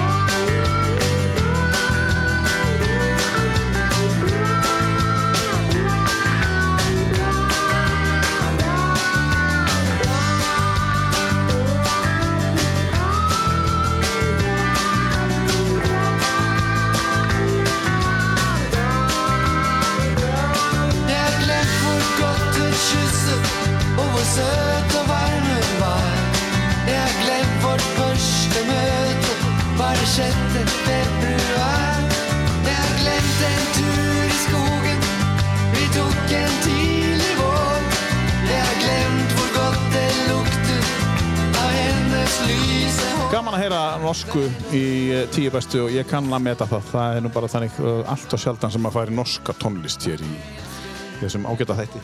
Glemti mínir heitir lagið til Lillos Neste sommer heiti platan og uh, við vorum að leiðinni til Norex uh, Snæfríður, uh, þið fluttið til Norex og þú komst inn í skólan þarna eftir og smá að sækja, hann var einn úti og hvernig var að búa í Nóri í sex ár? Hvernig var uh, Noregur? Norur, mér þykir alveg afskafla vantum. Norur en um, það sem kannski kom uh, kom samt mikið á óvart hversu ólíki normenn voru Ísland eða þú veist nú veit ég náttúrulega ekkert hvernig normenn eru nákvæmlega í dag af því að nú er svo langt síðan ég var, var það í námi en ef ég berða saman við bara það, það sem ég var að koma úr ég hefði náttúrulega verið í háskóla hérna á, á Íslandi og fer svo þarna út í háskólanám Já, og, og mér fannst bara normennin svo ólíkir já, segð okkur. að því nú er alltaf að tala um að þetta sé nú frændur okkar Já, já. og allt þetta nei, nei, það var bara allt, allt öðruvísi já, til dæmis þá hérna þá var til dæmis bara allt í góðu að vera par þarna úti og ekki búa saman. Kannski var, var einhver búin að vera par í, í, fjögur ár og, og, voru bara leia á sikkurum staðnum með sínum já. og engin pressa Nei. um að, að fólk ætti að fara að búa saman. Já. á Íslandi ef þetta hefði verið par he- hefði náttúrulega verið bara, já það er náttúrulega bara gengur eitthvað illa hjá þeim. Já, hvað er eiginlega að hjá þeim? Já, Ertu ekki bara að segja akkurat núna munin á, á hérna, að þú fær meira að vera bara þú sjálfur kannski í Nóri og bara taka þín einn ákvarðin á þess að komi svona en Íslendingar eru já, meira svona hvað er alltaf þeir eru og mikið kannski að velta sig fyrir hvað hinn aðeilin er að gera. Já, kannski og kannski líka bara mér fannst bara fólk ekkert liggja á. Þú, þetta var svo mikið bara svolítið áherslu á að njóta njóta þessara ára. Já, einmitt Já, og, og þroska þig sem einstaklingur. Já. og þú átti bara upplifa, ferðast og svolítið svona. Hendaði það þér þetta, þetta lífið Þetta, ég- var þetta ég- rólera eða hægara eða var einhver svona myndur þú vilja flytta til Norris aftur? ekki í dag, Nei, ekki í dag. ekki í dag nei, nei. Nei. og e, ástæðan fyrir ég varð ekki eftir í Noregi það voru alveg ástæður fyrir því líka uh, því að e, ég reyndi að búa í Noregi og vinna sem blaðamaður en Mhm. það er mjög, var mjög erfitt að því að þegar þú ert uh, að segja sögur og, og ert að skrifa Mhm. uh, þá sækjur þú svo oft eitthvað í fortíðina uh, þú lí. Mhm, líkingar kannski og mér vantaði þennan grunn ég hafði Já, ekki alist upp í skil. þannig að ég var alltaf svona eftirbátur í Mm. hvað ég kallar, svona sagna gleðinni Já, ég skil áttu Já, þannig að mér fannst eiginlega ómulegt að Já. ég yrði eftir í Noregi og gæti gert karriera út Mhm. úr því ég var alltaf lengur Mi- minn texti var ekki eins Ég- skemmtilegur já, og, og hérna Ég skil. En, en, en fyrirvændi kærastiðin, ef hann hefði verið blaðamaður, Já. uh, uppeldi sem að hann fekk með mömmun sinni norsku, hefði hann getað sóta eða þarft að búa í Nóri? Eða er þetta bara að eiga norskan? ég veit það ekki alveg sko, þetta Nei. var kannski til dæmis bara eins og þú veist, ég hafði ekki sé nost barnaefni og fólk var náttúrulega oft kannski að vísa Já, í já, eitthvað, þetta var já. meira þannig sko Já, þannig já. en hann býr í Noregi, býr og starfar í Noregi í dag sko, hann flutti hann ekkert heim með? Nei, hann hérna Já, hann fór bara út. Já, hann er rauninni já, Já, já, hluti bara tímabundi heim en hann allavega á fjölskyldu í Nóri í dag og, og, starfar og. Hvar varst að vinna sem blaðamaður í Nóri?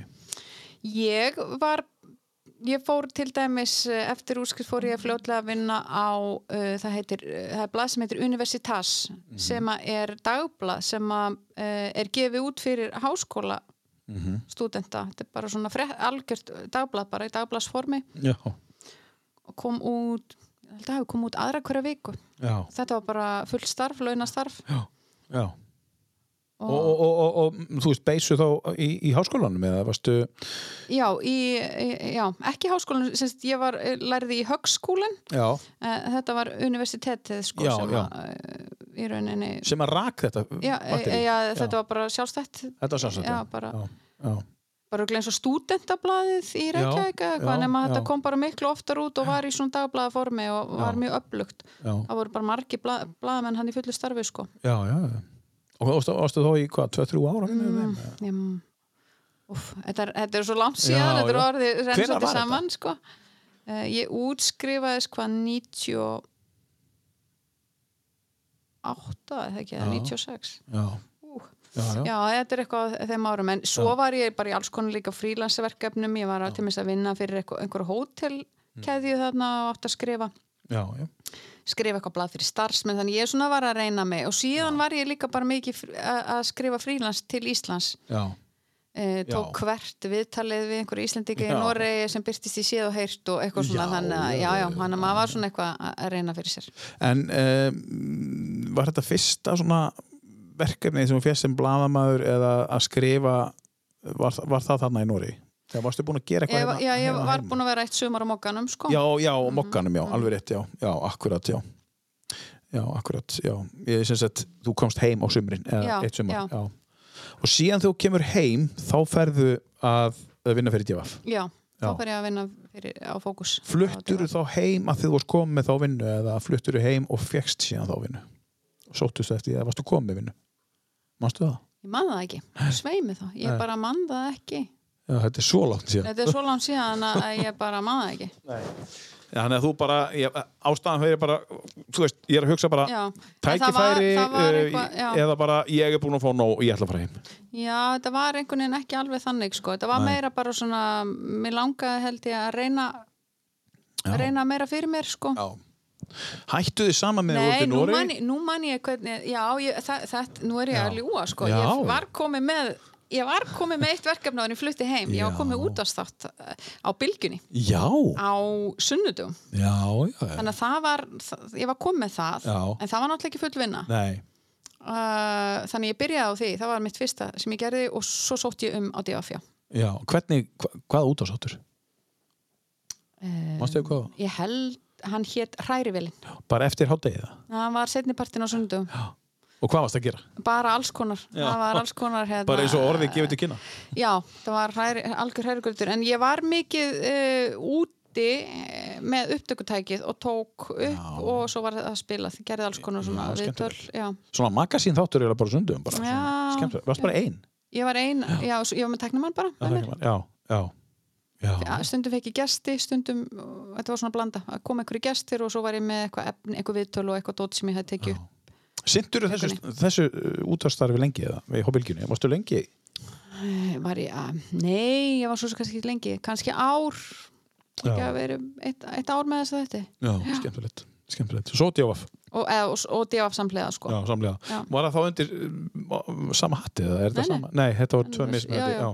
Já. En þetta var bara sunnudögum og, og svo virka þetta var í, í hinnu já, frábært. Og, og gaman að vinna fyrir djáfaf, að byrja að skrifa fyrir fókus og lífandi, lífandi skemmtilegt. uh, þetta var náttúrulega alveg frábær Já. skóli sko, því að hérna Gunnar Smári, Já, hann hérna var í rauninni minn yfirmaður Mhm. á þessum tíma og uh, maður læriði bara svo mikið sko, á, á, honum, maður læriði bara frábær vinnubröð og, og, og um, þú veist, að vinna á dagblæði er bara rosal, rosalegu skóli og, og prentuðu miðli því þá er deadline já, það er allan. það er deadline og þú þarfst að fylla blaðsíðunar og stundum var það bara þannig að maður bara var með blað og það voru bara, þú veist, Já. auðar síður Já, og maður var bara, heyrðu, við erum bara ekki með neitt og Nei. þá fór maður til Gunnarsmára og hann bara, ha, hvað segir, er ekki með neitt og hann hann- hann ultu svoleiðis hugmyndirnar upp úr honum Já. og hann var bara hugmyndamaskína, Já. sko hann var ótrúlega, já, hann var ótrúlega þannig að þar lærði maður að það er alltaf eitthvað Já. til þess að skrifa um Já. þú getur alltaf búið til efni, þú getur alltaf búið til fréttir já, já.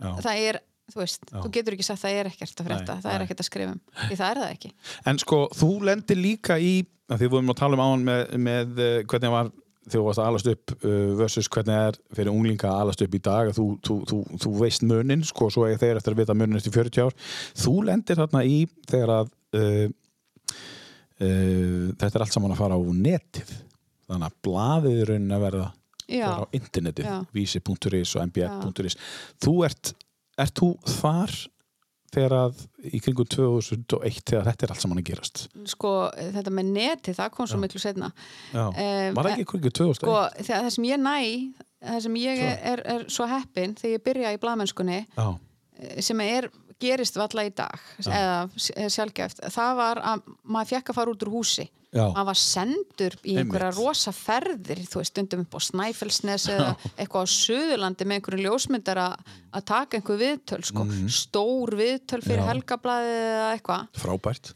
um, í dag ef þú ert blaðamaður á svona blaði þú færði eiginlega ekkert að fara út. Þetta er bara gert í gegnum síma. Sendi með myndir, sendi með já, texta. já, þú sendir kannski jáfnvel spurningar á e-mail þannig að þetta verður svona öðruvísi. Já, þetta er allt, allt öðruvísi vinna Já. heldur en þá sko. Já. Og svo meira lifandi kannski þá akkurat hvað það varðar. Nú er þetta já, fleiri fréttir og, og, og kannski ekki.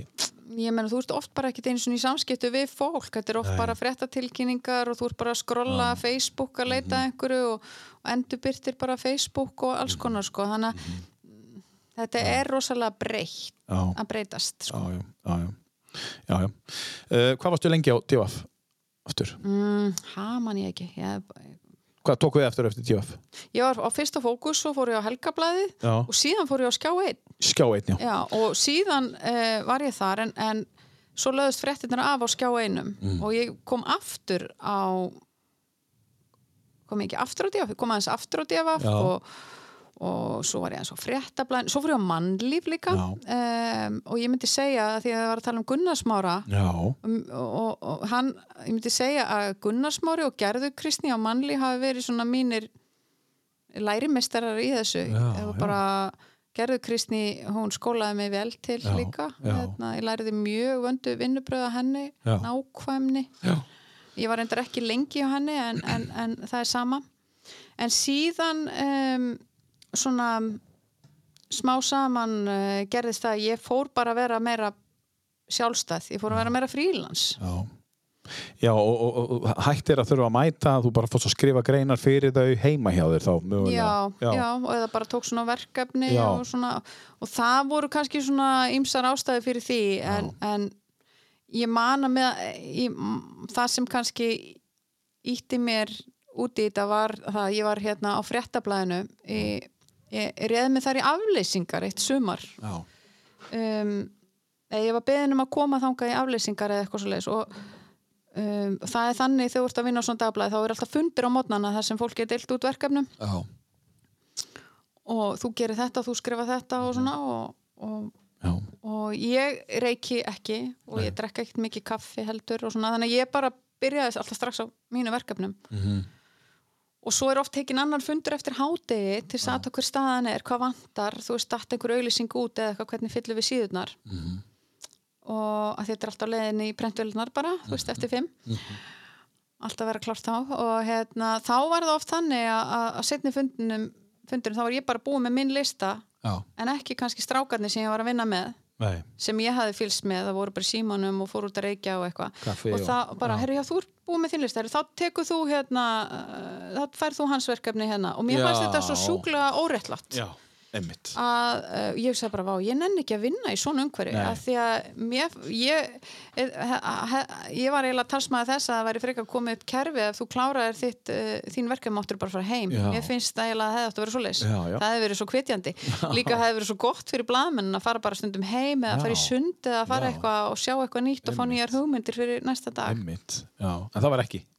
Það var ekki, þannig að um, já, það pínur svona Ítti þér úti að vera kannski bara, mm, meðal annars sko, Já. en það, þetta allavega haf, það hafði áhrif mér fannst þetta bara ósangjart akkur ætti ég að vera dugleg og já, taka þá bara hinverkefni hérna. Er þetta eitthvað í kringum uh, uh, opnun fréttablansins í Danmörku? Ertu þarna á þeim tíma eða, var það setna? það var aðeins setna Já, var það setna, já. Þannig að þú færð að vera frílans, þú tekur að þér að vera, vera bara vera frílans. það var bara rosa uppgangur í fjölmjölaheiminu þannig að það var nóg að Nóg að gera. það var já. bara nóg að gera. Og hentaði að, að þú væri frílans, mörgski mögulega að bara hafa frílans. mjög vel, ég var bara þú veist að skrifa fyrir alls Já. konar tímuritt Ísafold, Já. ég var þú veist með útasthátt uh, Já, en, ég var að skrifa bara fyrir hinn og þessa og ég var með mm, eitthvað svona innlegg á ringbraut sjómastöðinni, þannig þú veist, ég var bara í alls konar uh, verkefnum. Og ert frílans í dag. Já, Þú vilt, þe Ég þetta er er umhverfið sem þú vilt mér finnst þetta stundum gott að ráða með einn svona hérna, stöku sinnum kannski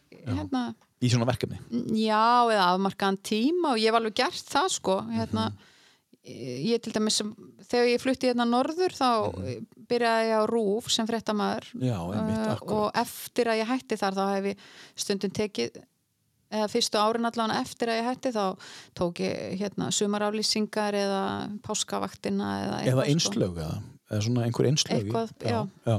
þætti og svona, já, Þe- Þetta er allavega umhverfið sem að þú bara hendar þið betur Það henda mig Já. bara mjög vel að- vera sjálfstæð. Já. er, það er ekki allir sem geta þetta Nei. að því að þeir eru bara ekki nú agaðir eða Einmitt. finnst það bara óþægilegt, þeim finnst bara þægilegt að vera innan um fólk Mhm, og ekki það, mér finnst ekki þægilegt að vera innan um fólk. Nei, nei, nei, en ég er samt svona, ég er lóner Mm. inn í mér uh, en, en hérna hann- Finnst gott að þér, þér finnst þú skemmtileg.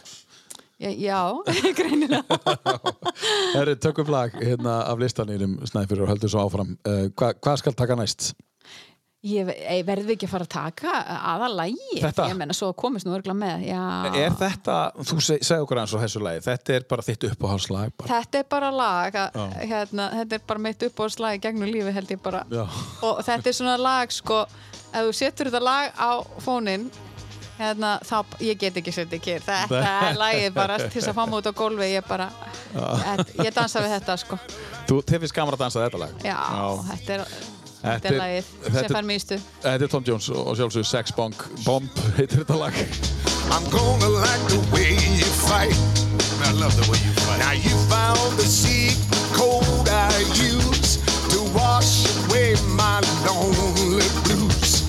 so I can't deny or lie, cause you're the only one to make me fly. You know what you are? You are sex bomb, sex bomb. Yeah. You're a sex bomb. When I need to come along. Give me sex bomb, sex bomb. You're my sex bomb. And baby, you can turn me on. Baby, you can turn me on. You know what you're doing to me, don't you? I know you do. Now don't get me wrong, ain't gonna do you no harm. No. This bomb's for loving and you can shoot it far. I'm your main target, come and help me. Love struggle holding you tight. Hold me tight, dog.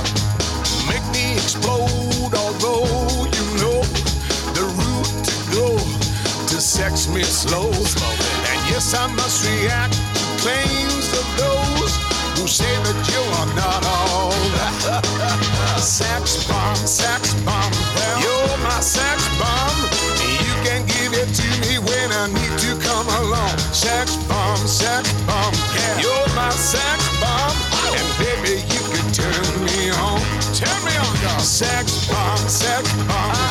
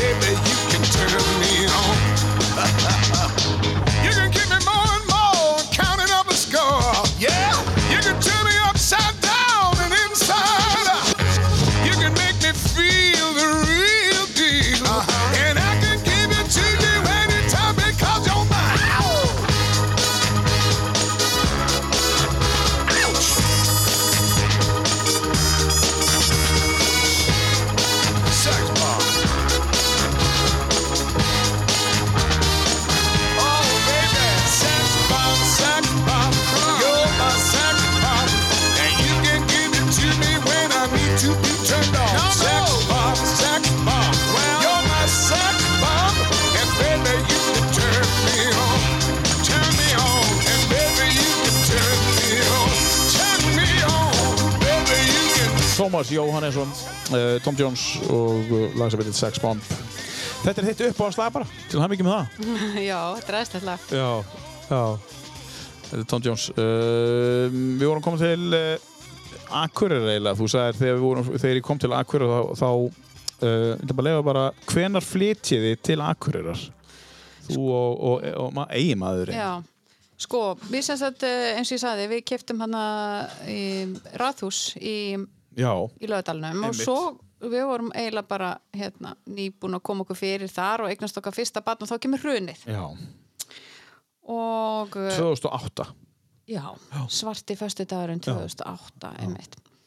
Og það var þannig að ég semst uh, ég, ég fór svolítið illa út um meðgöngunni og þannig að ég gati ekki verið í þessu húsi það var á þremur hæðum. Einmitt. Ég var að hækjum mér að minna alla meðgönguna sko, þannig að þetta var þetta var þitt fyrsta barn.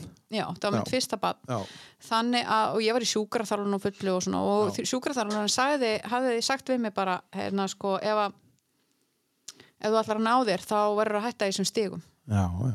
Þannig að í rauninni þegar hruni kemur þá vorum við búin að ákvaða að leiða út húsið. Já. uh, menn ég var að jafna mig og ákvaða að flytja í sumar, sumarbústæðin Mm. Snild. já og, og nei, ég leiða út. Við vorum í rauninni búin að ákvaða að selja. Já, og við vorum komið með þess að kauptilbúið í það. Og svo kemur svarti föstudagen, það var einhver, íslendingar erlendis sem ætlaði að kaupa. Já. og þau missa einhverja peninga og eitthvað og ég sleppi þeim bara. Því ég hafði bara, þú veist Mhm. ég hafði alveg hérna samú með þeim sko.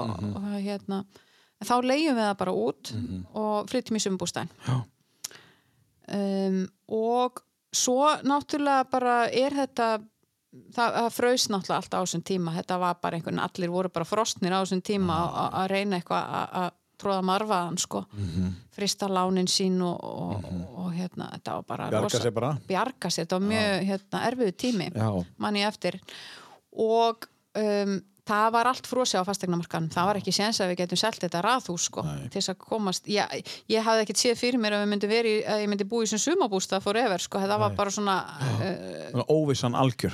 já, og, já, og, og hérna Óþægilegt. allt í lagi að vera búandi kannski í einhverju sumabústað upp á Snæfellsnes í einhverju mánuði sko, menn maður væri svona að finna út úr hlutunum en svo kemur hrunni bara einhvern veginn og, og það Mhm. bara gerist ekki neitt og ég vildi ekkert sætta mig við það sko, þannig að það sem ég fór að gera var að ég eitti bara nokkrum klukkutímum á dag á fastegnavefnum skrollaði allt hverfi 105 og, og e, reyndi að komast í samband við e, e, barnafólk í Já. 105 Já. sem ég sá að var greinilega þurfti að fá stærra húsnæði Mhm. og það endaði með því að ég náði að gera makaskipti við fjölskyldu Fyrsta makaskipti þeir sem að Já, það heiti makaskipti Já, já. þú skiptir á íbúðum bara skrítið samt. Já. þetta heiti makaskipti það Já. er stórundalegt Já, einmitt. Íbúðaskipti hefði verið svo eð, Já. eðlilegt. Já. Og, og þannig að var við í fyrsta skipti sem þú gerir það? Maka, uh, Já, hérna, íbúðaskipti. Nei, ég, ég, ég, Þetta heiti makaskipti í fastegna viðskiptum Já, Já, En þegar- var þetta ekki fyrsta skipti sem þú stundar, hefur stundar það alveg bara með eftir að tala um það eftir? Já, íbúðskipti Já, en hef, þetta var í fyrsta skipti sem þú gerir það Nei, Já. ég kalla þetta náttúrulega ekki íbúðskipta því við, við sem sagt na, seldum Já, já, skiptu bara, já, já, ég skil Í fastegna viðskiptum heitir að makaskipti sem sagt ef, Ah. ef þú finnur ef, ger, ef, ef salan er þannig að þið skiptið á, Já, ég veit ekki já. okkur þetta heitir Já, makaskipti ég skil, ég skil, ok en Já. allavega þá fann ég sem sagt fólk sem að þurfti að stækka við sig Já. og var með e, minni íbúð í sama hverfi Mhm.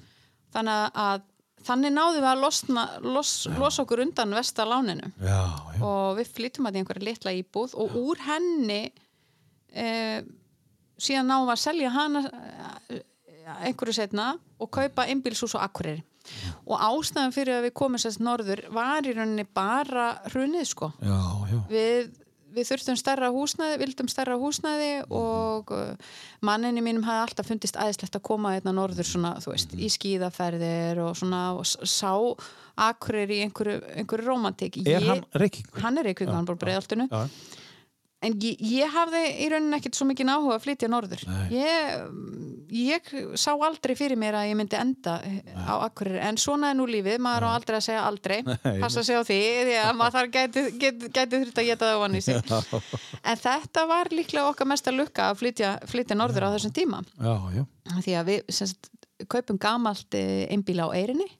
Fáum pening á milli Og í öllu hruninu og öllu. Já, já, já, öllu og við semst bara tökum þessa ákvörðun að flytja vorum hvort komið ein- einhverja vinnu hérna eða neitt sko. en uh, Þú varst að skrifa? Ég, ég var bara að skrifa og eitthvað á þessum tíma. Og leiðsegja, ég var náttúrulega komið leiðsöguréttindin líka hann mm -hmm. en um, við komum hérna norður og, það, það, og erum að ganga frá þessum fasteignarköpum þá er akkurat auðlist hérna auðlist í rúf eftir fréttamanni. Já, þannig að þegar ég, við erum að ganga fastegna kaupinu þá fer ég í heimsókn upp á rúf og fæ það starf. Já, fréttamannsstarfi, þannig að þetta bara einhvern veginn leistist allt. En sko spólum aðeins tilbaka.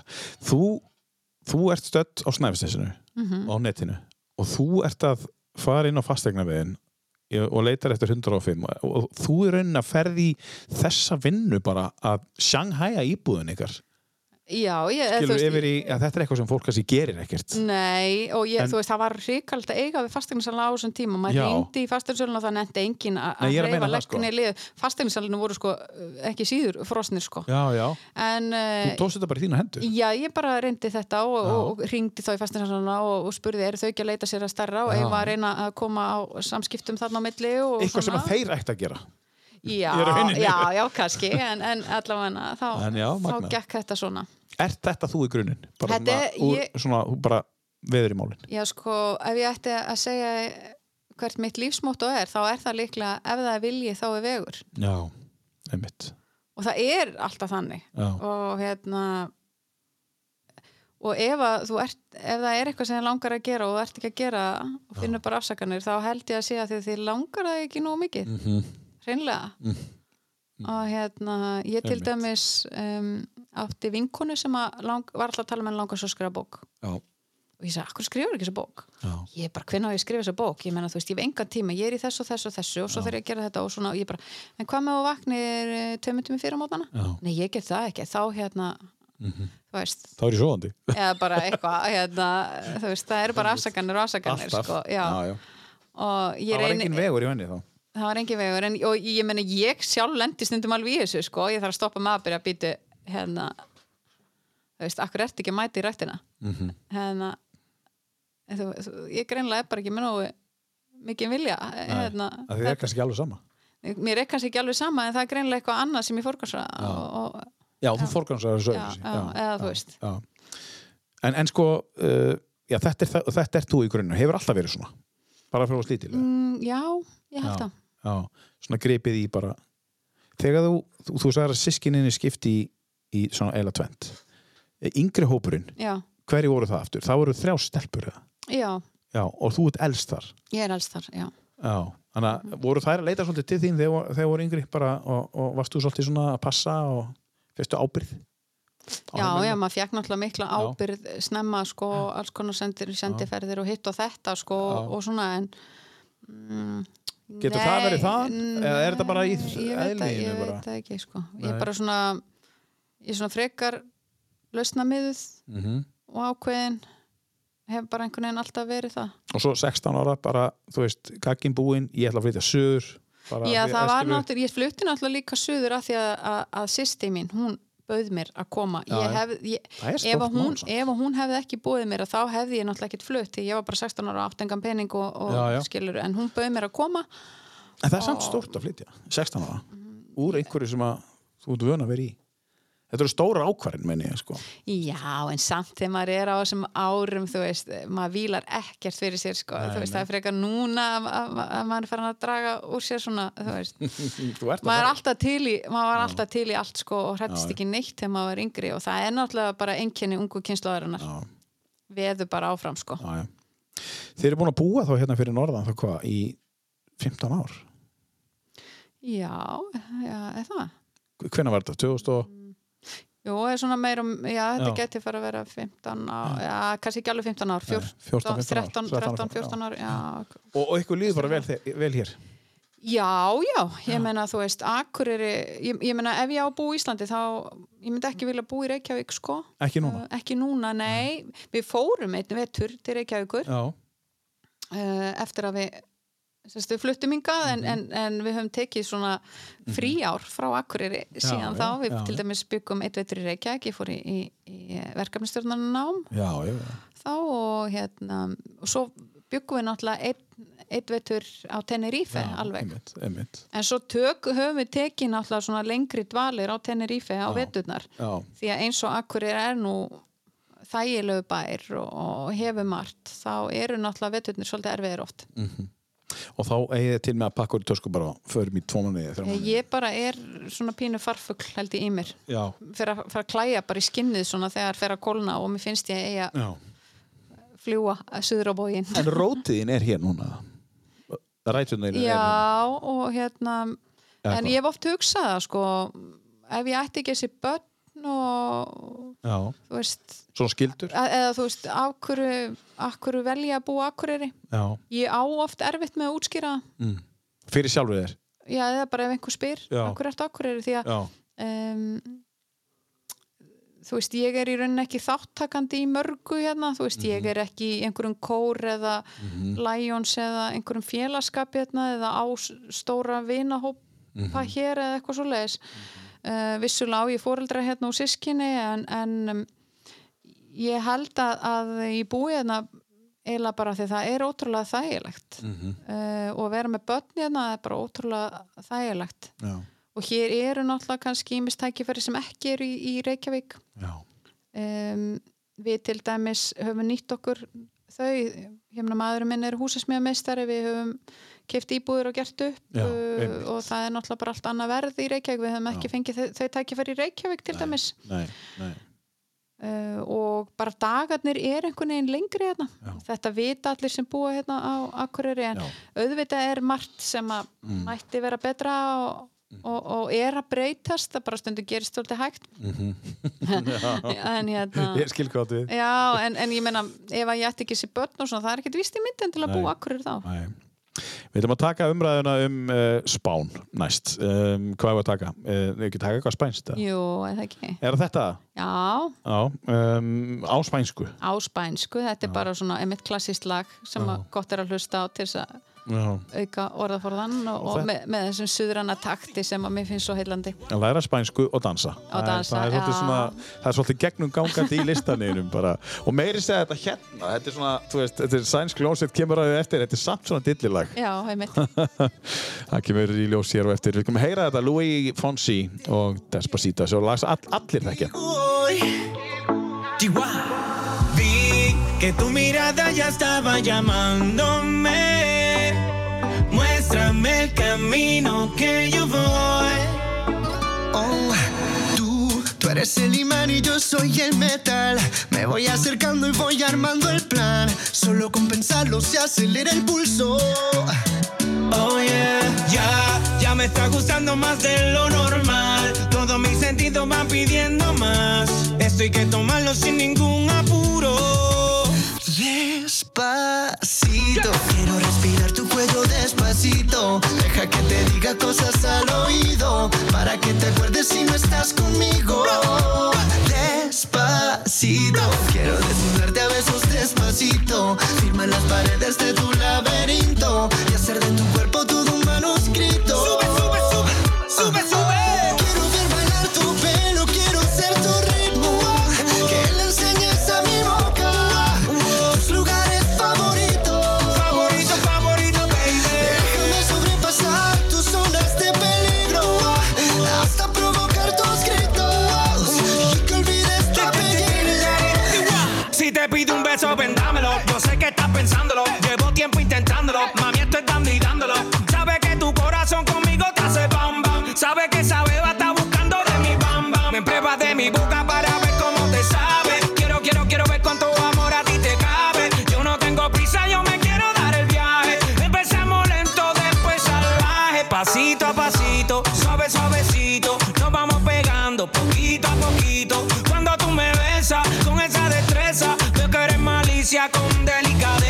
Pasito a pasito, suave, suavecito. Nos vamos pegando poquito a poquito. Y es que esa belleza es un rompecabezas. Pero para montarlo aquí tengo la pieza. Oye. Despacito, quiero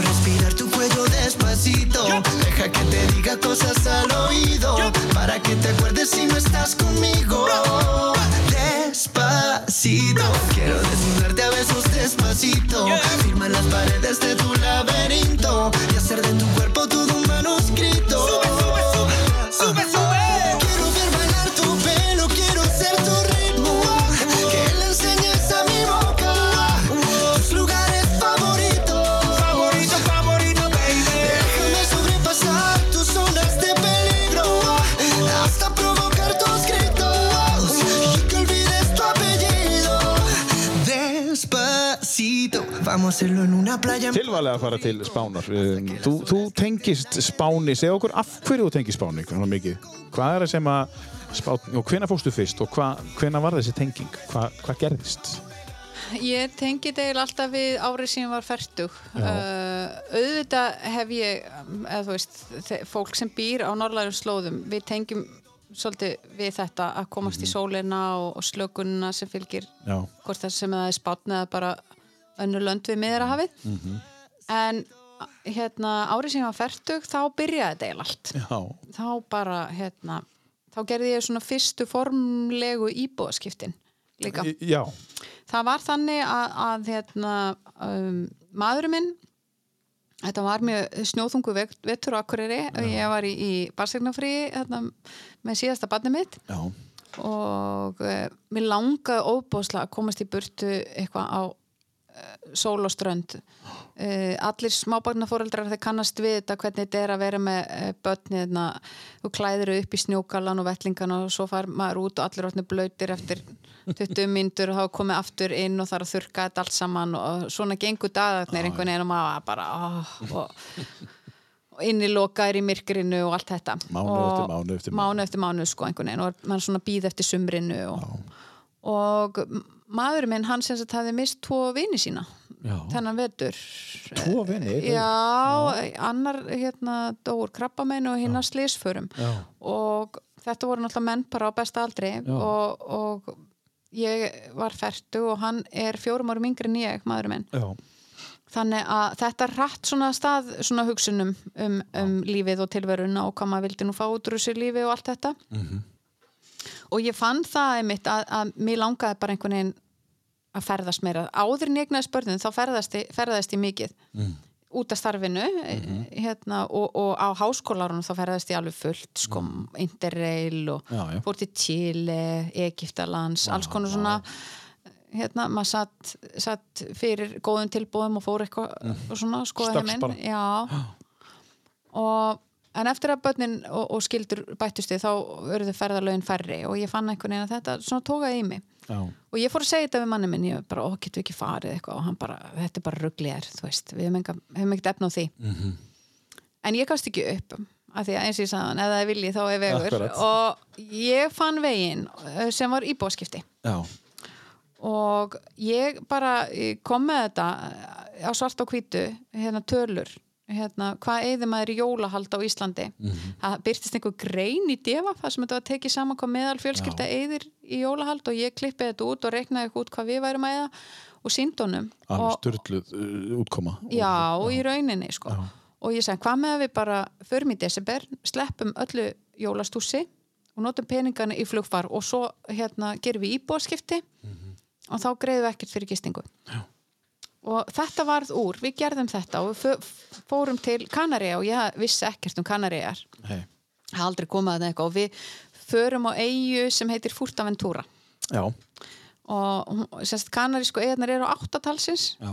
og Íslendingar þekkja náttúrulega Tenerife mjög vel og, og Gran Canaria en það eru sérst fleiri eigur og við, end, við endum þarna á Furtaventura og við erum í fjórar vikur Já, vá.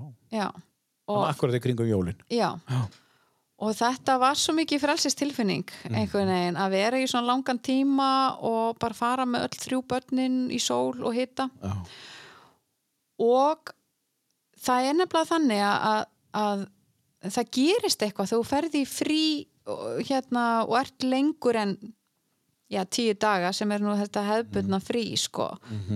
flestir, þú veist, hvað hva á fólk marga á ári Já, já. meina fólk deilir því yfirleitt niður í einhverja vikur í kringum jólin, páskana kannski sumafríið og svo Fjóra, fer- fimm vikur. Já, og Já. þannig að heil, þú nærð aldrei sko mánuð í einu, mjög sjaldan sem fólk tekur mánuð í fr- frí einu, það reynir að deila þessu eitthvað niður á árið Einmitt.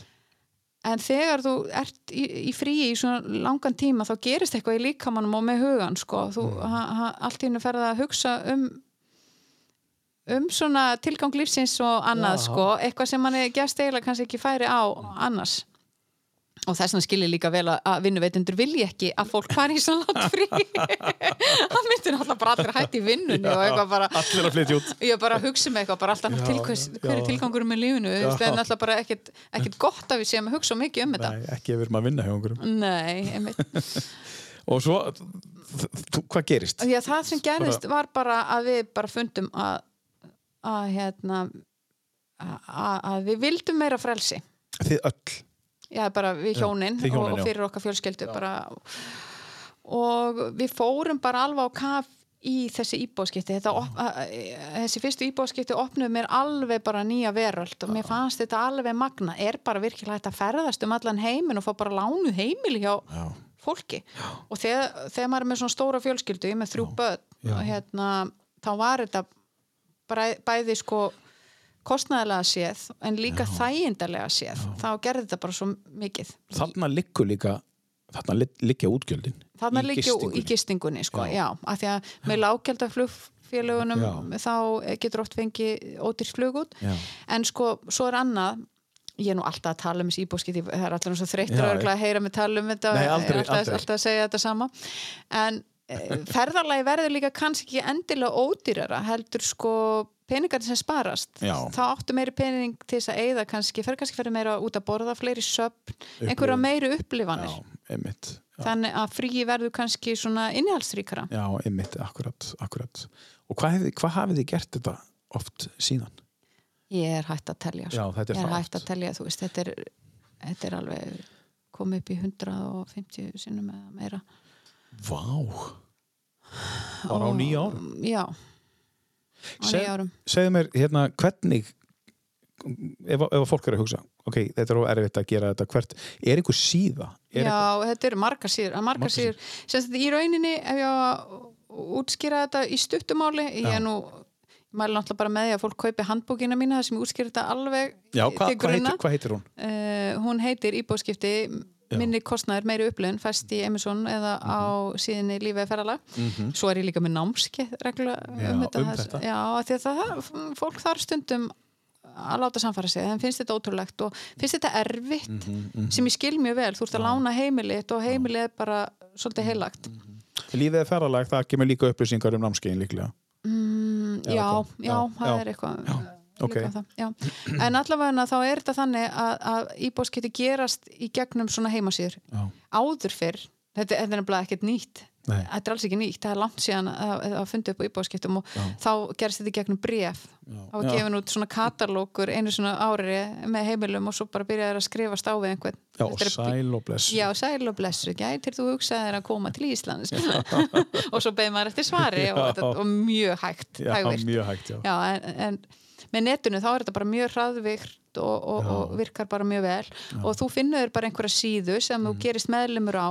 Mhm. þarf að greiða eitthvað hérna, árs, árgjald. Já, kannski 15.000 krónur. Já, uh, og þá máttu skipta eins oft og þú vilt Já. á því ári. Já, og þú getur verið skráð þá kannski báðar eignirna hennar eða átt sumabústa líka og, og heimili eða eða átt auka íbúið eða eitthvað það kostar þá ekki aukalega. Nei, og það sem kannski ekki allir e, skilja er að það er að gera líka mismunandi tegundir af íbúðskiptum það er hægt að gera þannig að, að þú átt íbúð í París og vill koma til Íslands og við gerum skipti á sama tíma. Ég fyrir þína íbúð, þú kemur í mína íbúð.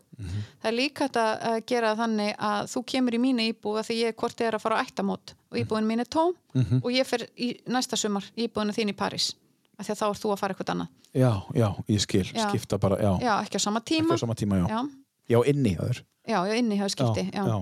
Eh, og síðan er til eitthvað sem heitir punktaskipti uh, sem er þá þannig að uh, þú kemur í mínu íbúð en mér langar alls ekkert til Parísar ég mun aldrei fara til Parísar af því að ég ætla bara til Spánar. Mhm. og þá uh, borgar þú mér með svo kvöldum punktum. Mhm.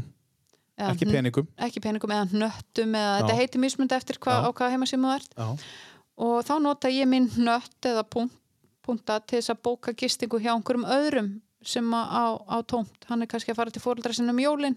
Mhm. Og og hann það- getur farið til Parísar. Já, hann get, ef hann vill eða, eða bara Já. eitthvað annað sko, þá er bara uh, rúlla þessir punktar, Punktar. bara innan kerfisins Vá. sko, þannig að það eru margar mismunandi leiðir til að gera þetta.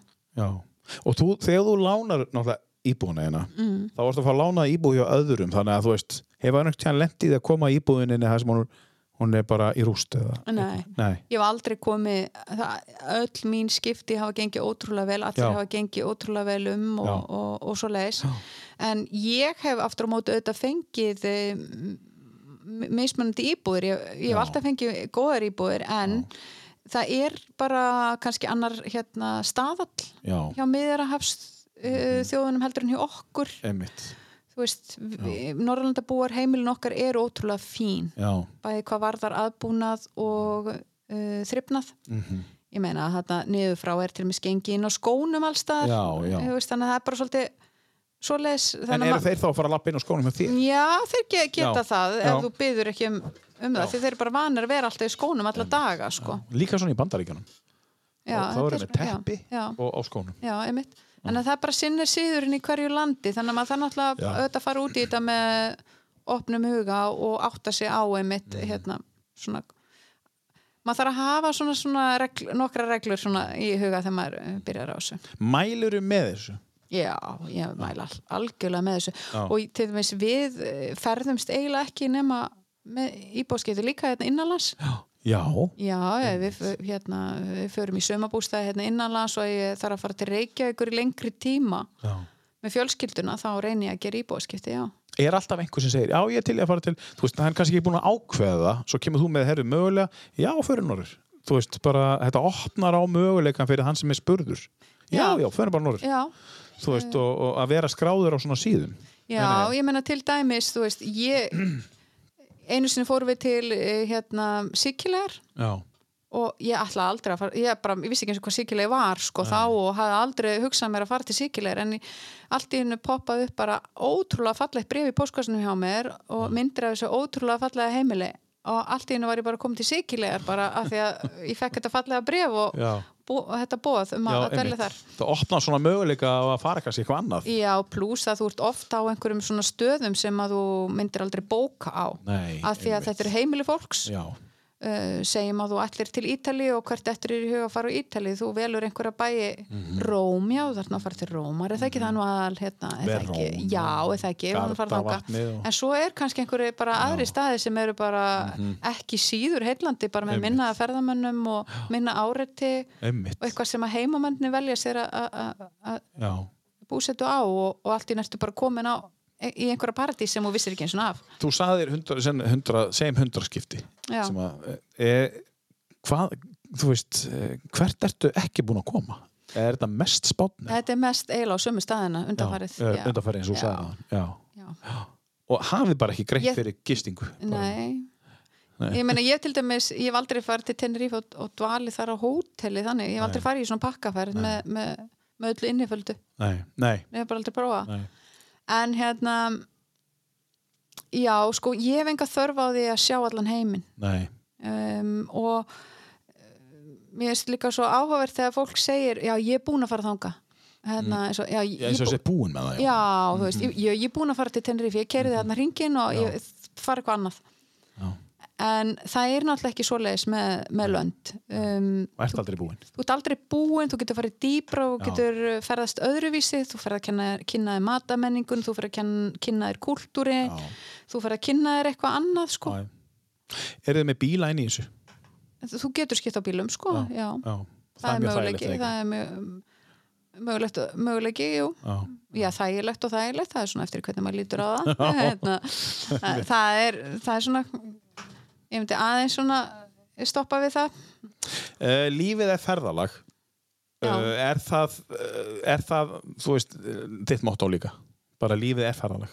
lífið er ferðalega, lífið er náttúrulega ferðalega það Já. vita það náttúrulega allir, þetta er bara Ef það er viljið þá vegur, en lífið er ferðalag. ég, lífið er ferðalega náttúrulega bara, mér vantar eitthvað heiti á, á síðuna hjá mér sko. En lifur þið svolítið eftir því, þú veist, lífið er ferðalag.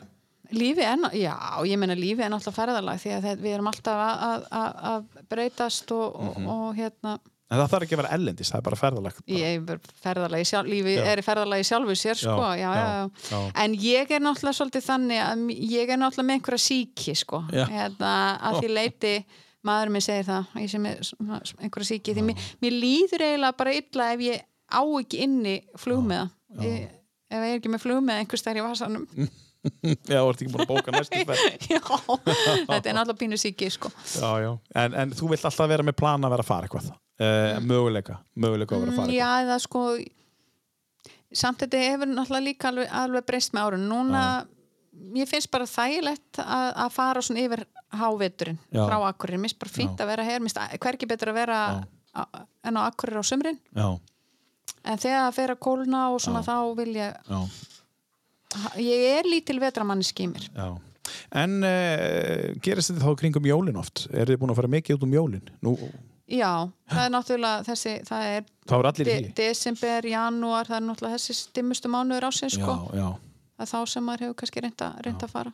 Að Nei, mér er alveg sama hvort að maður er í eða ekki, því að þú veist hvernig þetta er þegar maður er, er frílans.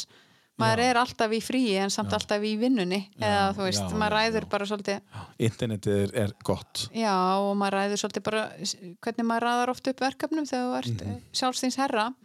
Vissulega er ég náttúrulega með börn í skóla og svona, já, en ég hef tekið börnin bara úr skóla og, og kent þeim, við já. höfum kent þeim sjálf bara og, já, já, og svona. og það hefur gengið fínt. Það hefur gengið, gengið bara vel hingað til. Og svo tókum við okkur náttúrulega upp hérna 2018 og ákvaðum bara að prófa að búa heilt ár já. á Tenerife. tökum það eins og eftir. Tökum lag, víst um, hvað er að taka? það er mikið að spænsku, já. Það er svolítið að spænsku sko. En þetta er búið, þetta er búið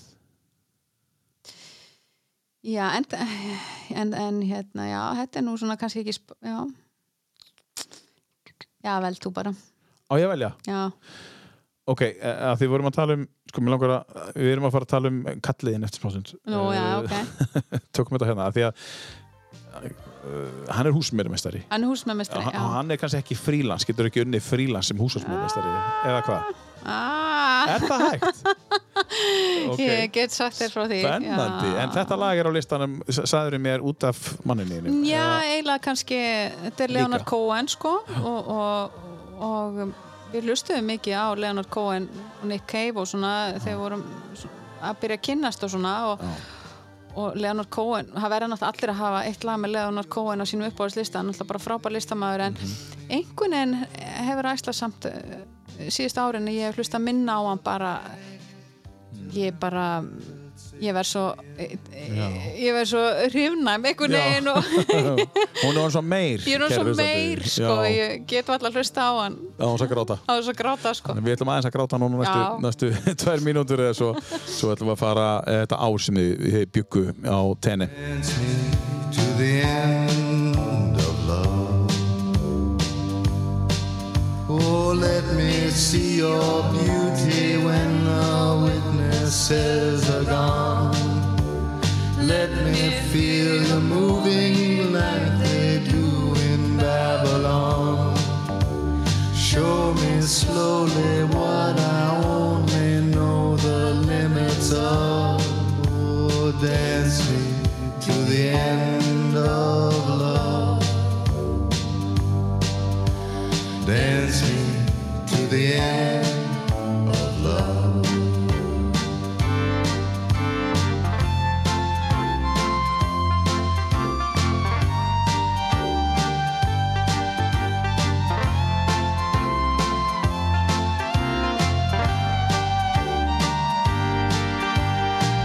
Dance me to the wedding now, dance me on and on.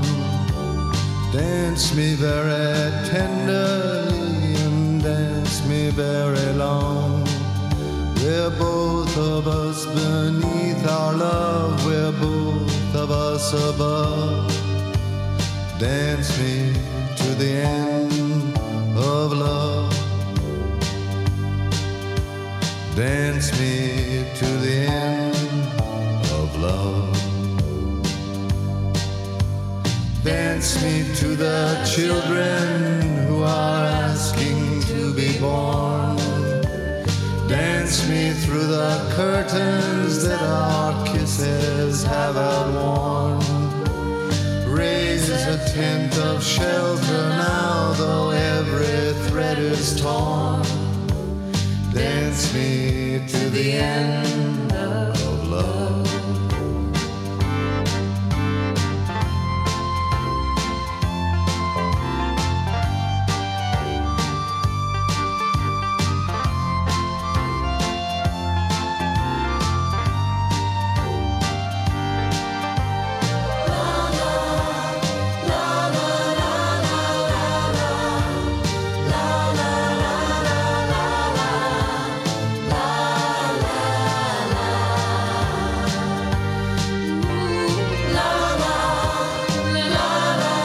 Leonard Cohen og lag sem heitir Dance Me to the End of Love. Þetta er lagið hennar Leonard þess, Leonard Cohen lagið hennar Snæfriðar mm -hmm. Í rétt hjá mér. Já, Allir þurfa að eiga. góð, Já, já. Já Allir að margir séu með hérna Halleluja?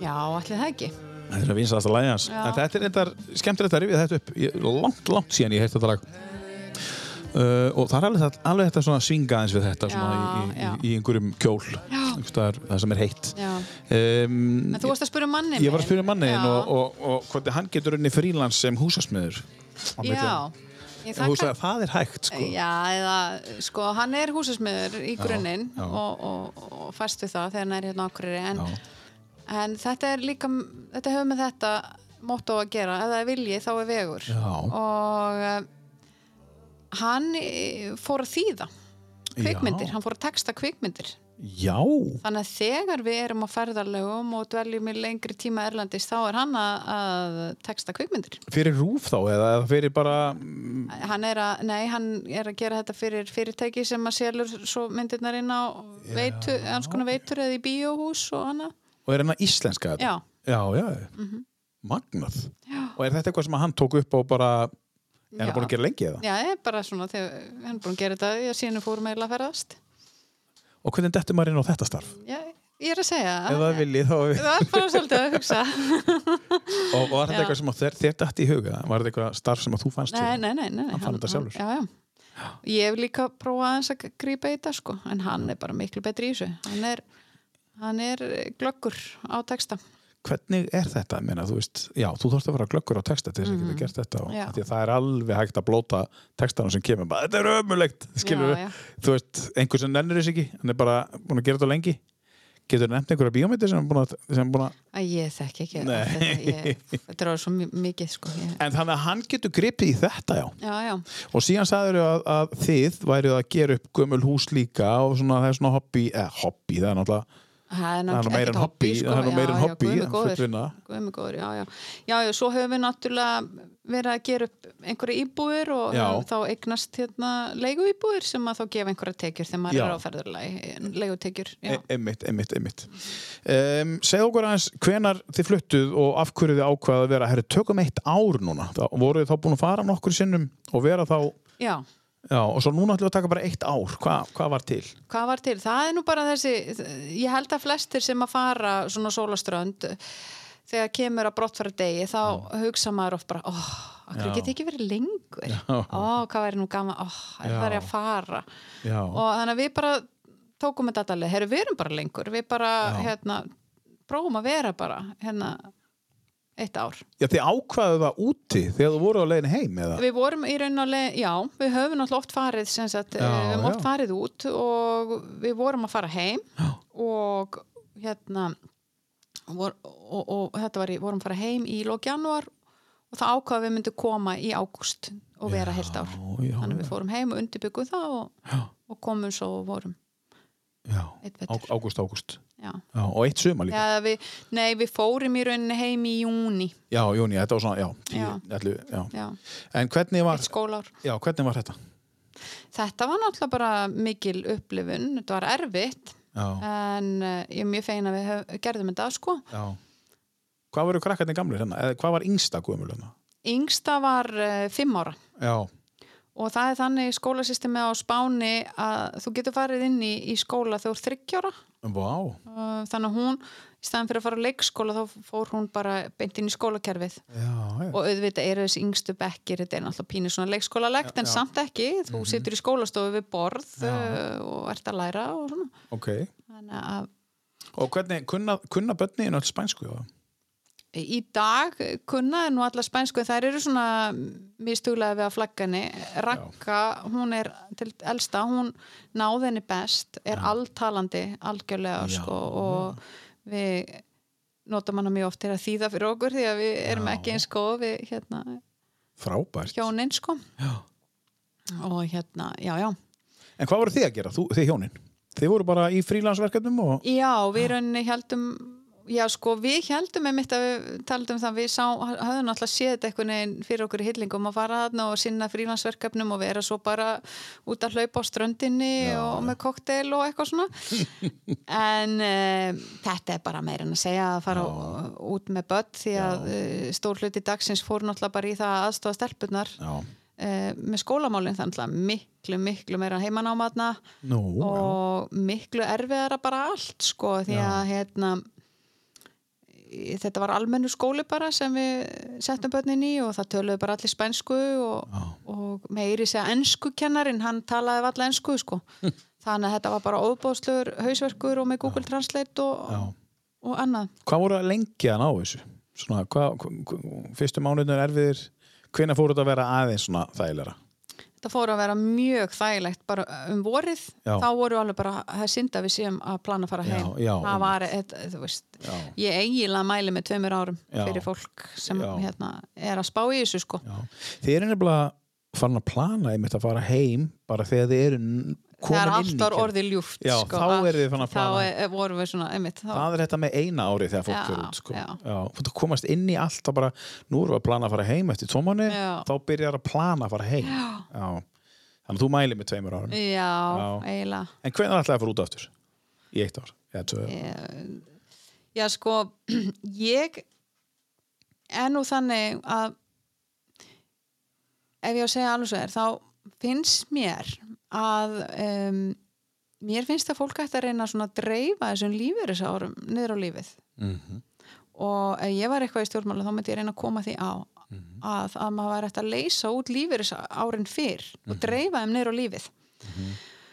Ég veit að náttúrulega þetta er kannski erfitt í framkvæmt og þetta uh, hljómar rosalega vel en myndi kannski ekki ganga upp í raunveruleikanum en uh, mér finnst bara eitthvað svo óréttlátt að maður eigi að vera að- djöblast all lífið þangað til 67, 70 og þá áttu einhvern veginn að fara að lifa lífinu og gera allt þetta skemmtilega sem, sem, er ekki, ætlaðir. sem er ekki einu svona vist þú getur gert Nei, kannski nefnilega- hefur ekki heilsunni til Hefur ekki heilsun í það og, Þetta heitir já, líf eirir já. og lífið er núna Mhm. Já.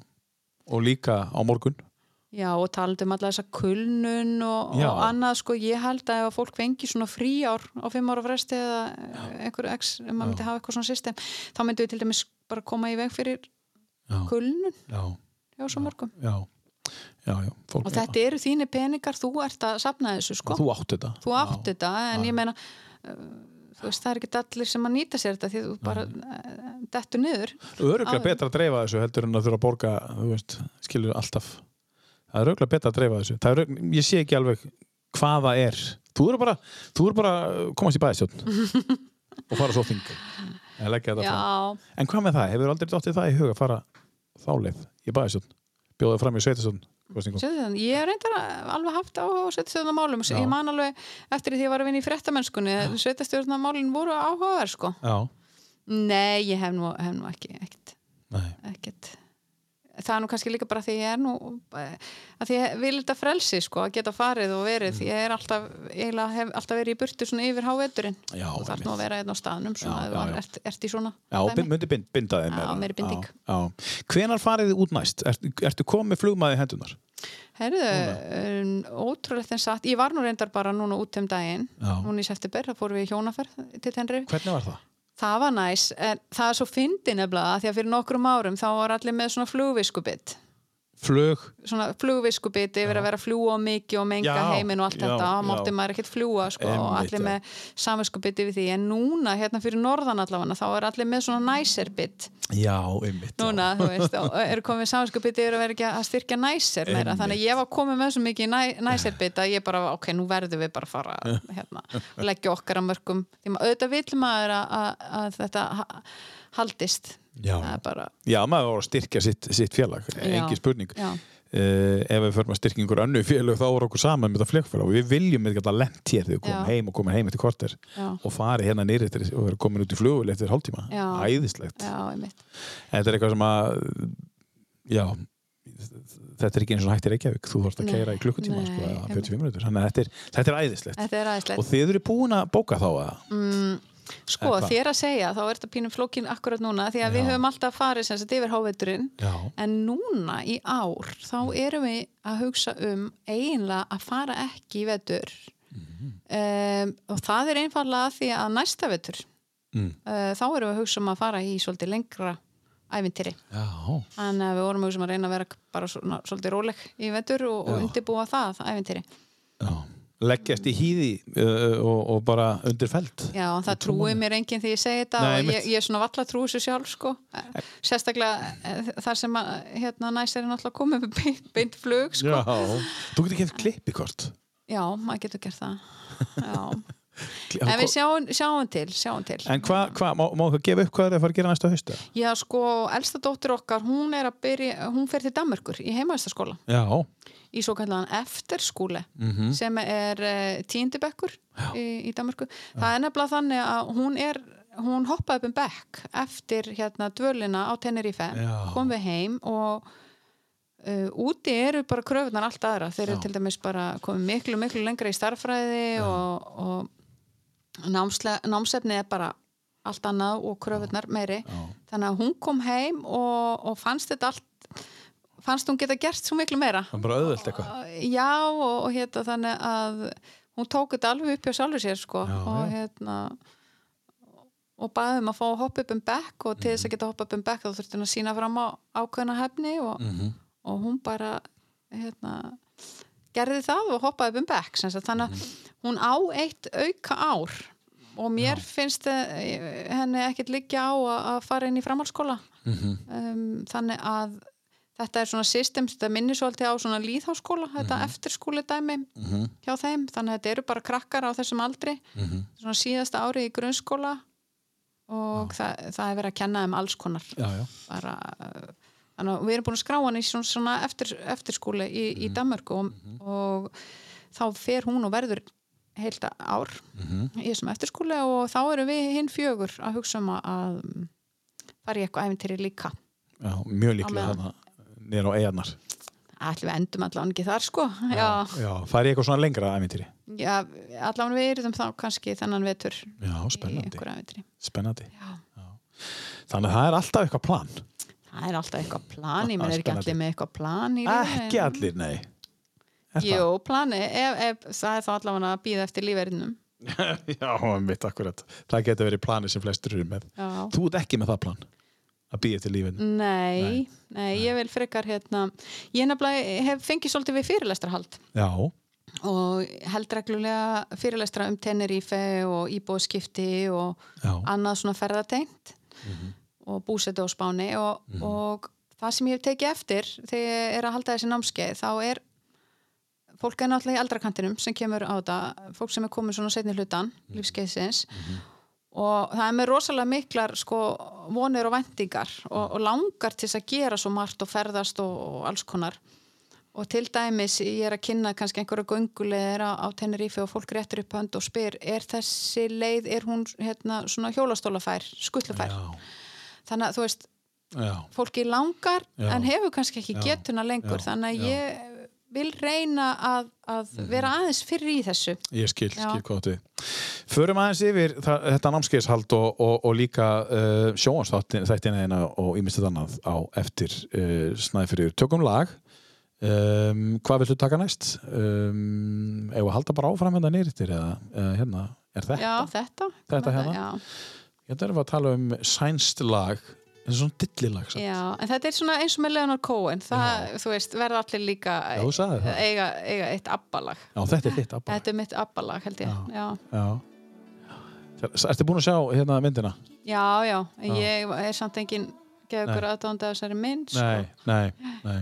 en abba bara hérna, einhvern veginn alltaf þægilegt að hlusta abba Já. Hlustar, kom þetta eitthvað í gegnum uh, eldri sískinni eða fóreldra eða er þetta bara eitthvað sem kom til þín? Mástu það? Ég mann það nú ekki, en maðurinn minn er til dæmis alveg gríðalegur abba aðdóndi eða var það, já Já, já. já. Þannig að Heyrim þetta lag, uh, tekja plötunni Vúluvu, Abba og Shikita.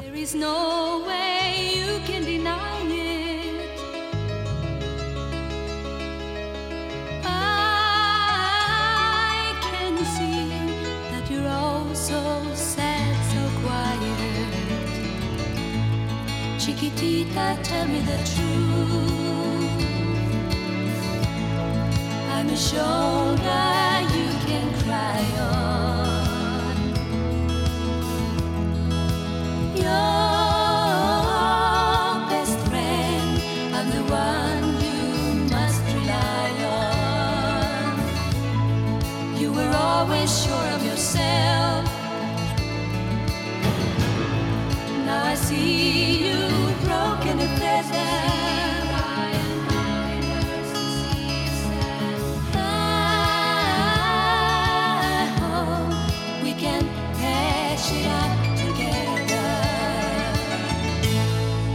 Chiquitita, you and I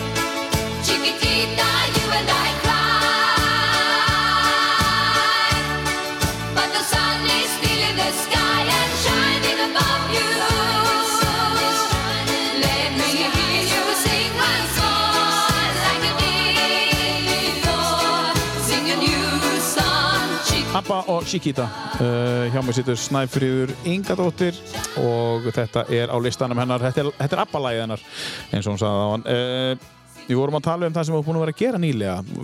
Það eru sjónvastætti sem hafa farið á N4 til dæmis og svo fyrirlestra haldi og svo leis uh, uh, hvernig venjulegu dagur segðu okkur eins frá því og segðu okkur líka bara hvernig venjulegu dagur er hjá þér í dag. Byrja að finnst að tala um þessa sjónvastætti og segðu okkur eins Já, frá því. þessi sjónvarsætti, þeir eru náttúrulega bara hvað héttu þeir? Vegabrifið. Þeir kom út í COVID sko það, það var svona hugmynd þegar COVID kom þá voru fólk svo lítið að ferðast. En, en og þá var það svona hugsun að gefa fólki tækifæri á að ferðast í huganum með því Mhm. að rífi upp bara gamlar ferðarsögur og ég held að uh, þeir hafi bara verið mjög þakklátt efni á Já. þeim tíma sko. Einmitt. Og ferðasögur sem heitir Vegabrifi, það er þetta inn n4.is Já, já, á sarpinum og þar já, akkurat og svo hefur verið að halda líka eins og þú talar á hann fyrirlistana Já. um, Ert að vinna við þetta í dag? Já, Já. einmitt, ég hérna ég held reglulega fyrirlestra og þetta, þessi fyrirlestra tengjast nú öll þessum bókum mínum, þessum handbókum þetta Já. er sama svipa efni, semst íbúaskipti Mhm. uh, hvernig á að flytja til spánar F fólk þarf að hafa alls konar reglur á hreinu varðandi skattamál, helbriðismál og annað. Og svo hefur verið haldið fyrirlestra líka um uh, Tenerife og Gran Canaria og, og svona. Það, Hefur ekki orðið stökk í þessu núna? Og það er bara aukast mikið núna uh, að fólk sé að flytja. fólk sé að flytja og ferðast og... Jú, sko það sem náttúrulega gerðist með COVID var, uh, það opnaði svolítið heimurinn varandi fjárvinnu allt í einu fattaði fólk að, að það þarf kannski ekki að mæta á vinnustað og, og, og, og, og vinnuveitendur kannski fór að treysta fólki meira, bara hei já, þú getur bara unnið þetta kannski heimana frá þér. Mhm. og það er bara ekkit endilega verra. Já, þannig að það opnaði ná- náttúrulega mikla möguleika fyrir fólk sem er í svoleiðis vinnu Já. að getur unni vinninu sinna hvar sem er því ekki að Já. að- prófa að vera einhvers þar annars þar já, já, jafnvel bara í öðru landi. Já, ég bara í öðru landi sko. Já. til lengri eða styttri tíma sko. Já, já En auðvitað eru mörg fyrirtæki eftir að COVID og búið þeir bara skelltu á Zoom og eins og það aldrei verið til skilur við bara, nú ætlum við bara að halda áfram að halda allar þessa fundi og það þurfa allar að mæta það eru mörg fyrirtæki sem gerðu það en séu eru náttúrulega önnur fyrirtæki sem bara svona einmitt heldu þessu bara herru, þetta er möguleiki Mhm. um, uh, þannig að þú hefur verið að þú hefur verið að vinna mikið á Zoom þá eða? Nei, alls ekki Nei, ekki? Nei, af því að ég hérna, ég, ég hef aðalega verið með uh, stað, uh, hérna þessir fyrirlæstur hafa aðalega verið hjá já. og líka hjá einhverju svona starfsmannafélögum og svolítið þar sem ég hef bara mætt á, ta- á staðinu og talað við fólk. Já. Og, en talað um Zoom, ég reyndar með mig fyrsta Zoom fyrirlæstur á morgun í gegnum sími, þannig að ég er mjög spennt að vita hvernig það fer, því að ég hef ekki, ekki haldið svona formlegan Og hvað gegnum ertu að að að gera það? Ég er að fara að tala um starfslokk á ströndinni. Já, svona, einmitt, fyrir fólk sem að er svona að- já, að íhuga kannski að, að flytja? Já, flytja til lengri eða styttri tíma sko, hvað þú þarft að hafa í huga. Þetta er stór skref. Já, maður vil gera hlutina rétt og, og núna er til mér búið að vera mikið í fjölmjölum undanfarið mál þessar tveggja manna Já. sem að þurftu á, á súkuraflugi Mhm. að halda heim og, og það er kannski ágætt að undirbúa svona Mhm. vel Já, og, og þarna ertu komið með svona plattform að þú komið með eina mannesku sem getur einfallega bara hjálpa þér með það hvernig þú átt að flytja út og hvað þú þarfst að hafa frekar en bara flytja út og veit ekki neitt. Já, akkurat. getur þú planað Já, þetta fyrirfram. bara svona þess að hérna, já. En gott fyrir bara, ef þetta væri bara fyrir alla, þú getur bara hvernig á að flytja til Noregs, hvernig á að flytja til Danmörkur hvernig á að flytja til Finnlands, hvernig Já, á að en flytja til alltaf alveg Bandaríkjana til auðvitað svona hérna, bækur og, og upp, upplýsingasíður og svona fyrir En það er ekki þú, það er engin er sem að stýri því sko. Nei, nei. Nei, þú, þú ert að einbeita þar að þessu. Ég er einbætt að mér að spánu og það er náttúrulega bara uh, út af því að ég hef bara gríðalega áhuga Mhm. einhvern veginn, það er líka mitt áhuga svið og ég sé einhvern veginn fyrir mér að í framtíðinni verði ég kannski meira og meira þar. Já, og, og hérna, ég vil bara vera vel undirbúin en ég er náttúrulega bara að hugsa um sjálf á mig sko En þú talaði ráðan um að þið byggu hérna nálægt brekkurskólanum uh, rétt hjá sundlauginni. Eh, Þú sagði samt áðan að þið, þið, bygg, eh, þið fluttuði yngar þá byggu unnur Eyri. Já. Hvenær fluttuði, hafið búið fleiri stöðum hér eða fluttuði beint þangað eða? Nei, við, við keftum okkur semst hús á Eirinni og, og uh, það var nú eiginlega svolítið óvænt uh, akkur við fluttum brekku og vorum bara mjög ánað á Eirinni sko Já, og ég hafði einhvern veginn ekkert séð fyrir mér að við myndum uh, færa okkur í annað hverfi sko. Um, en svo var það þannig að við byggum ákvæm að búa þetta ára á Tenerife. Mhm.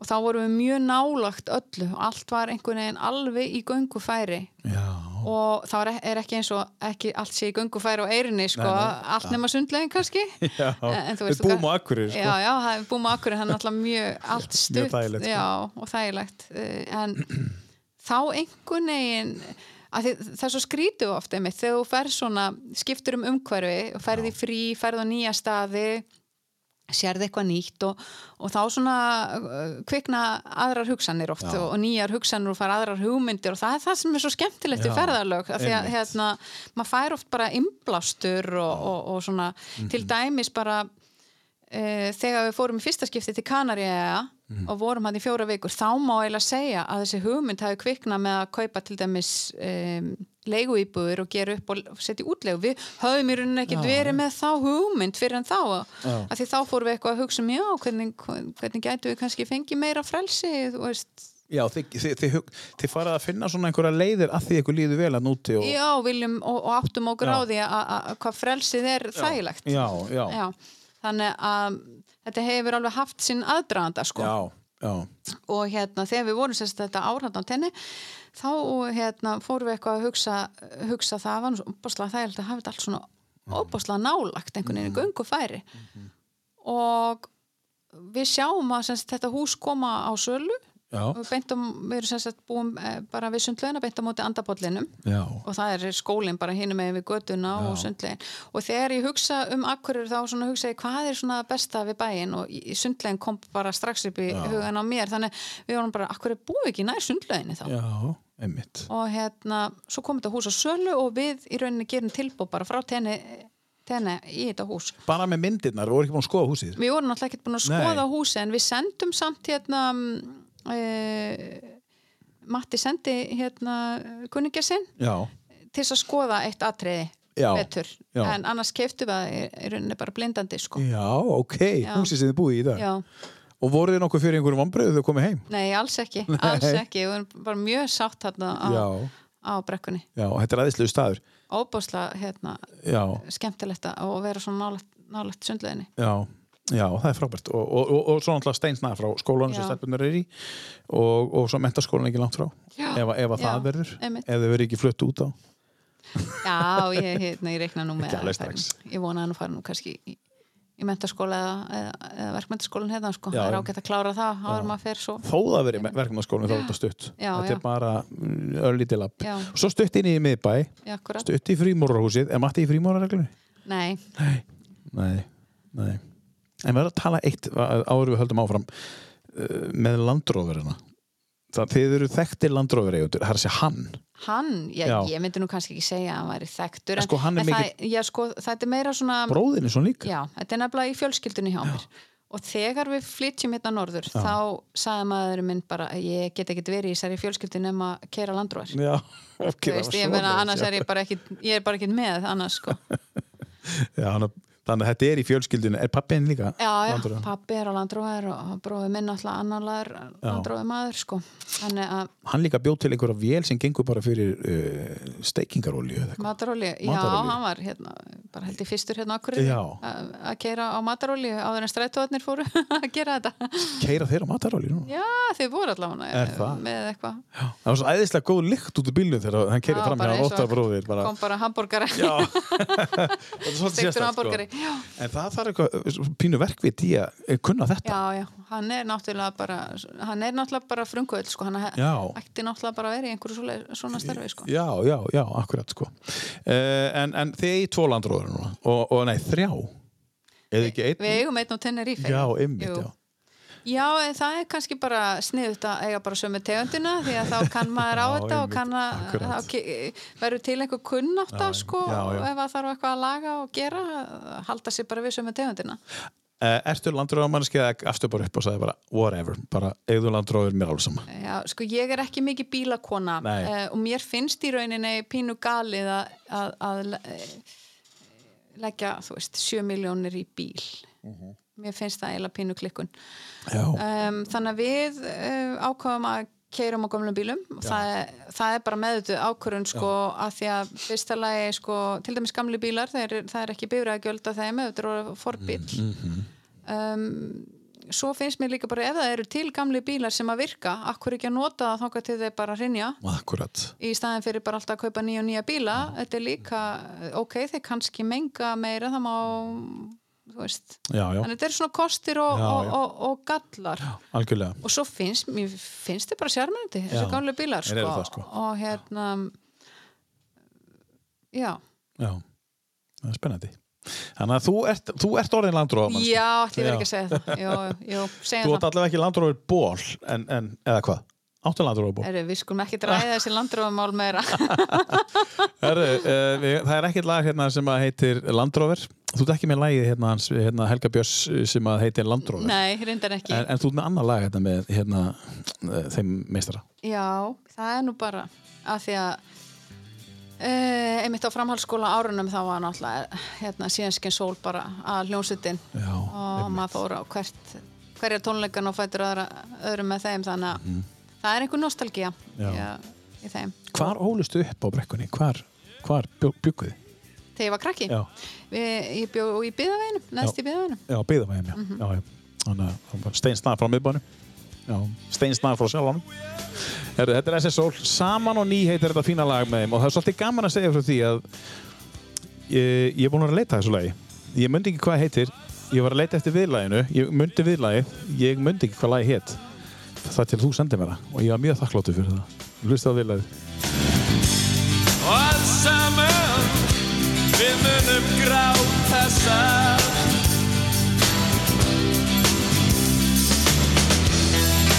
Við við værum hérna saman á ný Við við værum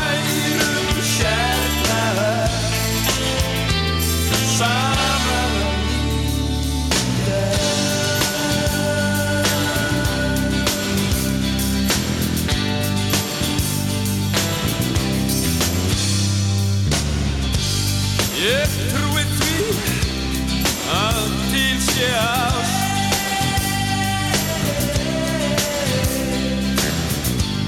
Ég trúi því að hún sigri að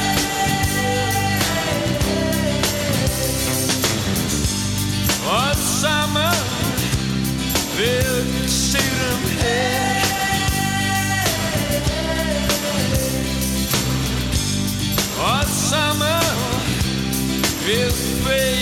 memories.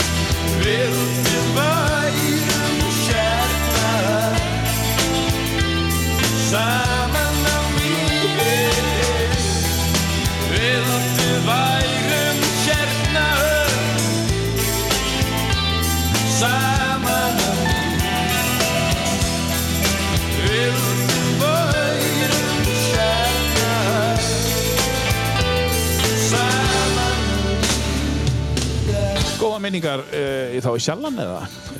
Nei, ég er náttúrulega flutti svo snemma já, frá Akureyri. já, það er rétt, já. Já, auðvitað, þú varst ekki þarna í Sjallan Nei.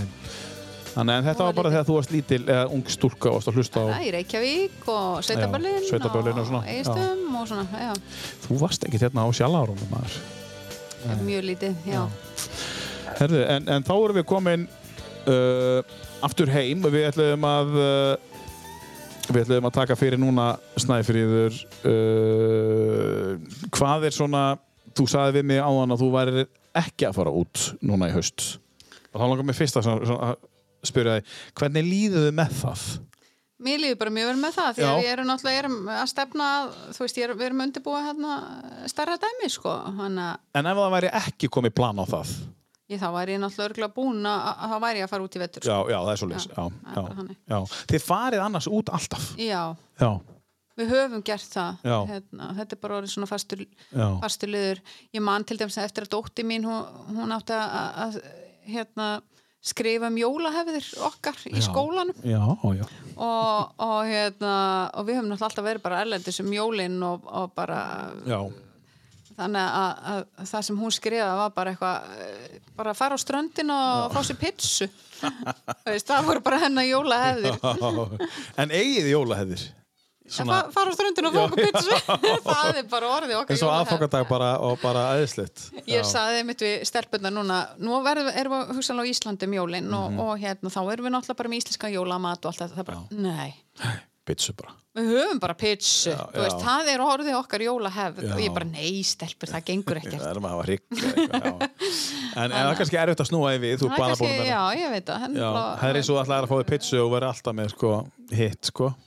Já, Það myndi aldrei ganga sko. Alltaf ekki á mér sko, að pitsu, það var nei En ég skil þar mjög vel En uh, segðu mér, mér langar að spyrja þig fyrir utan að ferðast og sem er auðljóslega eitt af þínum áhugamálum og því gaman að gera, eða hvort að þetta flokka undir áhugamál, þetta er bara lí, lífið þitt. Já. hva, hvað finnst þið gaman að gera annars?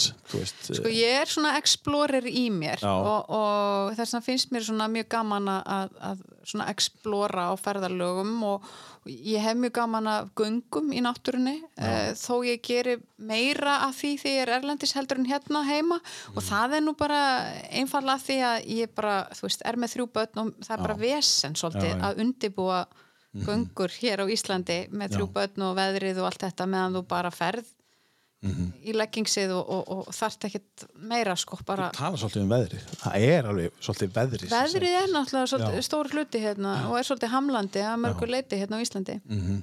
en hvað ger ég annað hérna já, sko þegar, lík, þegar maður er náttúrulega sjálfstæð starfandi þá hérna, ég, ég, það er eiginlega ekki bein skil finnst mér oft á milli vinnu og, og hérna, frítímans.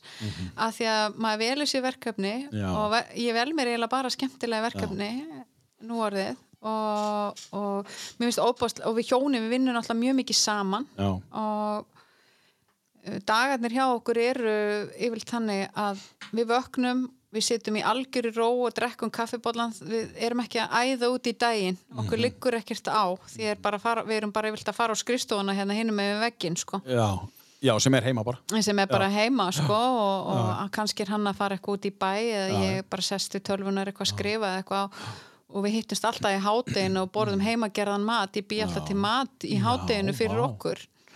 Það er bara hending. Ef ég gera ekki þá er ég kannski bara út í sjómanstökum eða, Já. eða í einhverju verkefni. Já, já.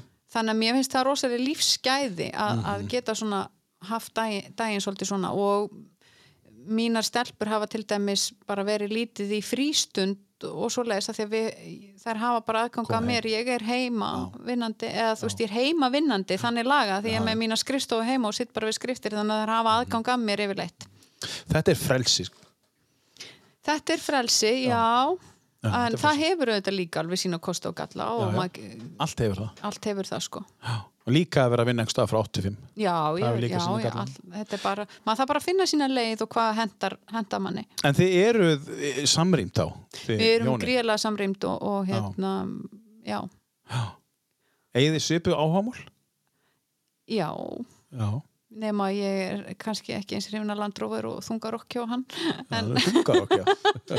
en að hérna, Já, þungar öðru liti, já, En, en, en svona þegar þið eldið, hva, hvað finnst þér, svo þú talar um pizzur og jólunum, uh, hvað er þinn uppáhaldsmatur? Áttu eitthvað sem er algjör uppáldi? Hvað finnst þið gaman? Þú veist, ef ég myndi segja, nú ætlum ég að elda fyrir þig, já, hvað myndur eða ok, ef að Matti myndi segja, nú ætlum ég að elda fyrir þig, hvað eldar hann fyrir þig? hann eldar, hann myndi elda örgulega lasagna fyrir mig, því hann Já. er bara að gera gríðlega gott lasagna. Já. og mm, hann gerir mjög gott lasagna og ég var alveg til það sko ég veit ekki alveg hvað ég myndi segja væri alveg uppáhalds, uppáhalds maturum minn ég hef í rauninni ekki sjúklega gaman að velda mennsku svona þannig lagað Nei. en uh, mér finnst eiginlega allur matur góður ef ég fæ rauðvinsglas með honum Já.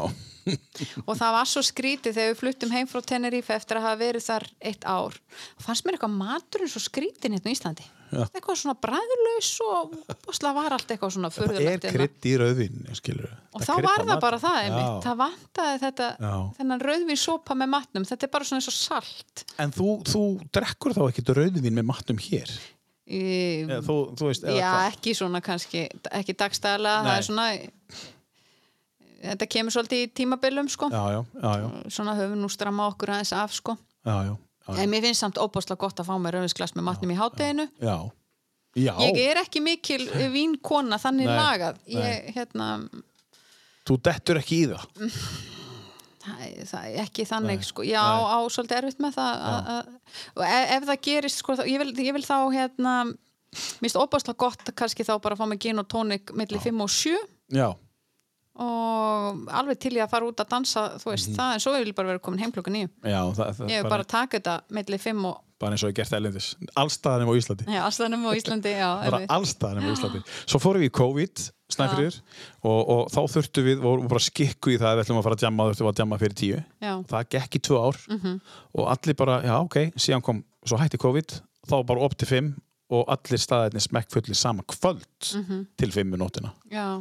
svolítið magnað sko, þetta breyttist ekki þó við höfum verið sett inn í eitthvað svona box í Já, tvö en ár. svo kannski líka bara það þarf kannski líka bara að bjóða upp á þetta. Ég er oft búin að hugsa, af hverju einmitt. er ekki þú veist, bara happy dans á áar milli, emitt 5 og 8 eða eitthvað bara Já, 15 og DJ eða eða eitthvað, eitthvað. DJ og Já, eitthvað skilur spila, já. fyrir okkur miðaldra fólki Já. og unga fólki getur náttúrulega vakið langt fram á nættur Já, og, og hefur engar skildur og getur bara látið já, já, eins og að vill, en meðan við kannski erum við vil, viljum kannski alveg fara aðeins út að tjúta en við höfum náttúrulega skild, skildum að gegna þannig að já, maður vil bara vera komin snemma heim sko. já, rétt, rétt. Þannig að ef ef ekki að kasta þessu út Jú. í lofti er ekki einhver hérna ákveður sem er til að taka þetta og hafa svona miðaldra danskvöld Já, köstum þessu út, þetta á að vera vikulega það er bara þannig, einhver staðar það sem maður getur staðið upp og dilla sér og verið kannski með einhverja tónlist sem er kannski í anda að, við þetta lag til dæmis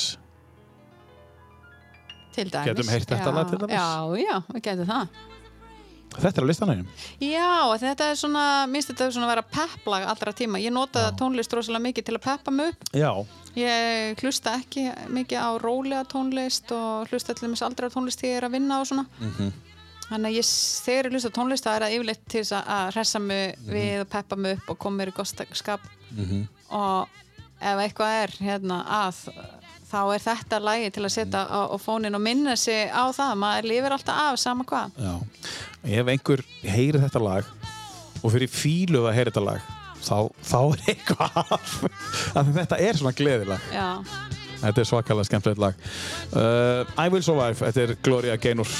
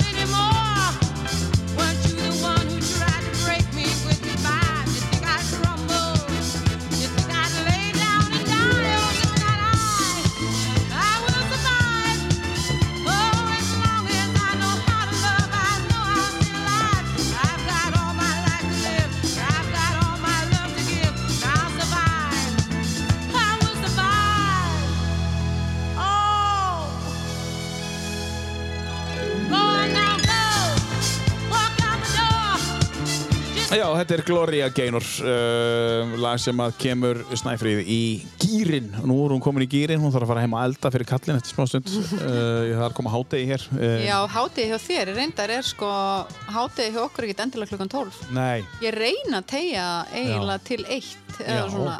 Já, já, það er bara því að á Spáni þá finnst mér svo sniðugt hjá þeim. Já, þeir borða setna stóra og góða máltíð. Mm. og hérna ef þú gerir það þá þarf ekki að vera kannski elda nei. um kvöldið sko. Ertu að meina þá núna í hádeginu? Það, þau borða, borða stóra þeir, þeir borða svona hálf tvö og bara stóra máltíð Já. og svo bara eitthvað létt um kvöldið. Já. Þannig að þú ert komin inn, inn í alveg þennan þessa menningu hjá já, það- sig yfir á, á, á heimilið já ég reyni það en auðvitað er það ekki hægt hérna, að að það er ekki hægt að öllu leiti Nei, nei, hérna á Íslandi, auðvitað er hérna ég meina börnin alltaf bara í skólanum Já, og já. svona þannig Fóru í við get, skólann. og við erum sjálfstæð þannig að við getum Já, já. gert þetta en, Já, já. en ef við værum á vinnustaf þá er þetta bara hátta í klukkan 12 sko, en, en já, já, mér finnst þetta, þetta mjög þægilegt og já. Hvað ætlar að elda núna í hádeginu? Mm, þetta verður ekki eitthvað svona bara græmetisréttur já. því að guði sjóðu ekki bara brokkoli og Já, skelli kannski einhvern græmitisbólum á pönnuna eða, Já, já. Já. Græmiti, mikið. Borðið kjött líka? já, já, við borðum þetta mikið græmiti Já. líka. Ég er ekki græmitisæta Nei, eða nei. svoleiði sko. Það er bara en- holdt og gott. Já, maður er svona, Áður við, endum, áður við endum á hérna, síðasta læginu, uh, segja okkur nú hvað þú ert að fara að gera í vetur. Um, nú varst að segja okkur áðan að þú ætla líklega að vera heima í fyrst skipti í vetur uh, uh, út af því að það er kannski eitthvað að fara að gera næsta haust. En já, hvað, já. hvernig, hvernig er veturinn? Svona, Veturinn er nú bara svona hefðbundin Vinnulega séð. já, við erum bara með okkar verkefni við hjónin og við erum að fara að taka til dæmis eina nýja íbúi gegn sem við keftum í sumar og, Mhm. og svo er ég bara þú veist, ég er með, föst, ég er með fasta kuna sem ég sinni og, Já. og hérna er með svona först skrifverkefni sem ég er alltaf að gera já. og svo er ég náttúrulega að reyna að koma út þessari bók ég er með nýtt námskeið í vetur Já. um göngulegur á Tenerife Mhm. þannig að ég, hérna, það er nýtt námskeið að bætast við hjá mér kemur bók í kjölfar hvers námskeiðs? Eða oft? Eða, eða öfugt já, Eða öfugt, já. já, þetta Já. helst oft, oft Já. saman sko Já. Hvaða bók var þetta? Svona rifjar upp um hvað er að koma út núna. Já, það er að koma út sem sagt handbók uh, í sama anda og fyrri Mhm. handbækum mínar um Gran Canaria og Tenerife en þessi bókum fjallar um Costa Blanca Alveg rétt, já, sem er náttúrulega mjög vinsælt hjá uh, Íslendingum og þetta er bara sem sagt svona handbók með hugmyndum Já. að ýmsu sem gaman er að að skoða Já. já. og gera. Já. Og það er alltaf Eymundsson sem að fer í að Emerson selur þetta, já, og svo líka heimasíðan þinn. og heimasíða mín. Þau panta bara beint. Ég reyndar ekki búin að ákvaða með þessa bók, kannski kemur hún bara út rafrænt, ég veit það ekki alveg. Nei, já. Ég þarf nú svona að kanna hvernig hérna, prentverðið er núna eftir allt sem er búið að gerast í heiminum. Mhm, mhm. En þetta náttúrulega, sko, þetta fór pínu, hérna, ég ætlaði nú alveg að fara að hætta þessu bókastúsi, sko, í COVID, sko, því það náttúrulega hrundi öll ferðabókasala þá, sko, Já, og hérna, já, svo sem öll mín ekki í sömu körfu, sko, fyrirlestrar um ferðalög og, og bækur um ferðalög og En það er nú að koma inn aftur núna, nú eru ferðalögulegin inn aftur. Já, já. Alveg þvílíkt. Já, já, þvílíkt, sko. Og þú finnur alveg fyrir bara núna þessu aukna. það er, fólk er náttúrulega að spá og spekulera Já, já, og og svona þörf svolítið, uppsöfnu þörf kannski já, já, kannski tvöföld þörf. ef eitthvað er. Og fólk er duglegt að ferðast. Íslendingur eru duglegir að ferðast. já, já, við erum það náttúrulega sko, og, og, hérna, og, við höfum þessa þörf sko, einmitt að komast í sólina Mhm. reglulega sko, og, og ef sumari hefur ekki verið gott þá finnst mann náttúrulega maður svolítið svikinn sko, og maður þarf að fá, fá sólageslana sko. Já, en þú talaði líka um að þú væri með námskeið kannski fyrir þessa sem eru orðnir aðeins eldri. Er það eitthvað sem þú finnur að þeir eru orðnir svona, vil, svona viljúri fyrir að fá einhverju svona upplýsingar um hvað þeir geta gert þegar þeir hafa bara farið eftir veist, í einhver svona sérstakar ferðir fyrir eldri borgara, núna kannski geta þið bóka ferði sjálf og, og gert, gert það sem við vilja sjálf, fyrir að vera bundin því að vera í einhverjum svona rútuferðum og, og Já, pakkaferðum. já. Er það það sem þú ert að búa til? Já, Að það veri svona sjálfstæðir eða Já, já, ég, það er náttúrulega það, ég er náttúrulega að skrifa fyrir svona hinn sjálfstæða ferðamann. En auðvitað er náttúrulega þessar upplýsingar eru náttúrulega komnar mjög mikið á netið. Já. en ég sjálf er svolítið gamaldags. Mér finnst svolítið gott að hafa bók í hönd. Og, og það sem er þegar þú ert að fara að hérna, ferðast eh, hluti af ferðalæginu er þetta ferðalægi huganum áður en þú leggur að stað.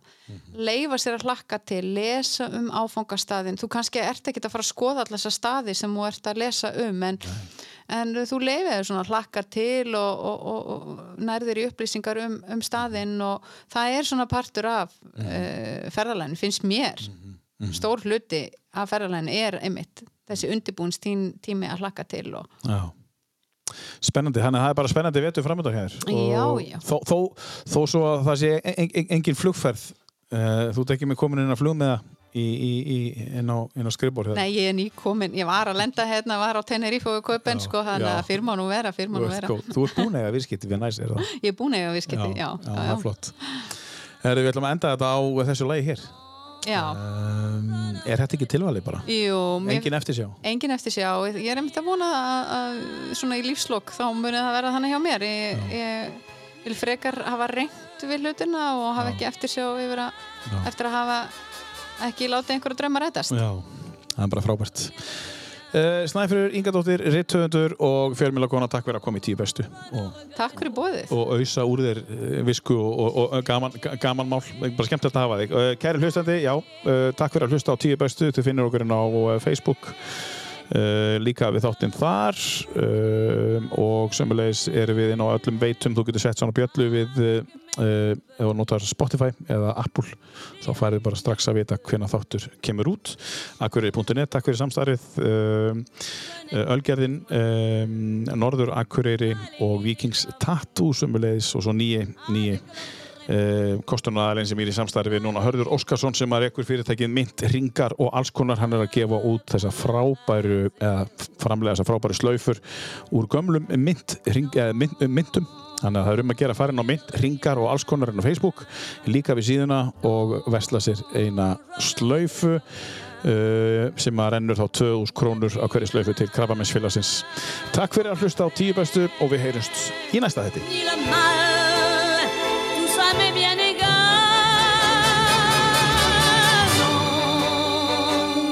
Rien de rien. Non, je ne regrette rien. Car ma vie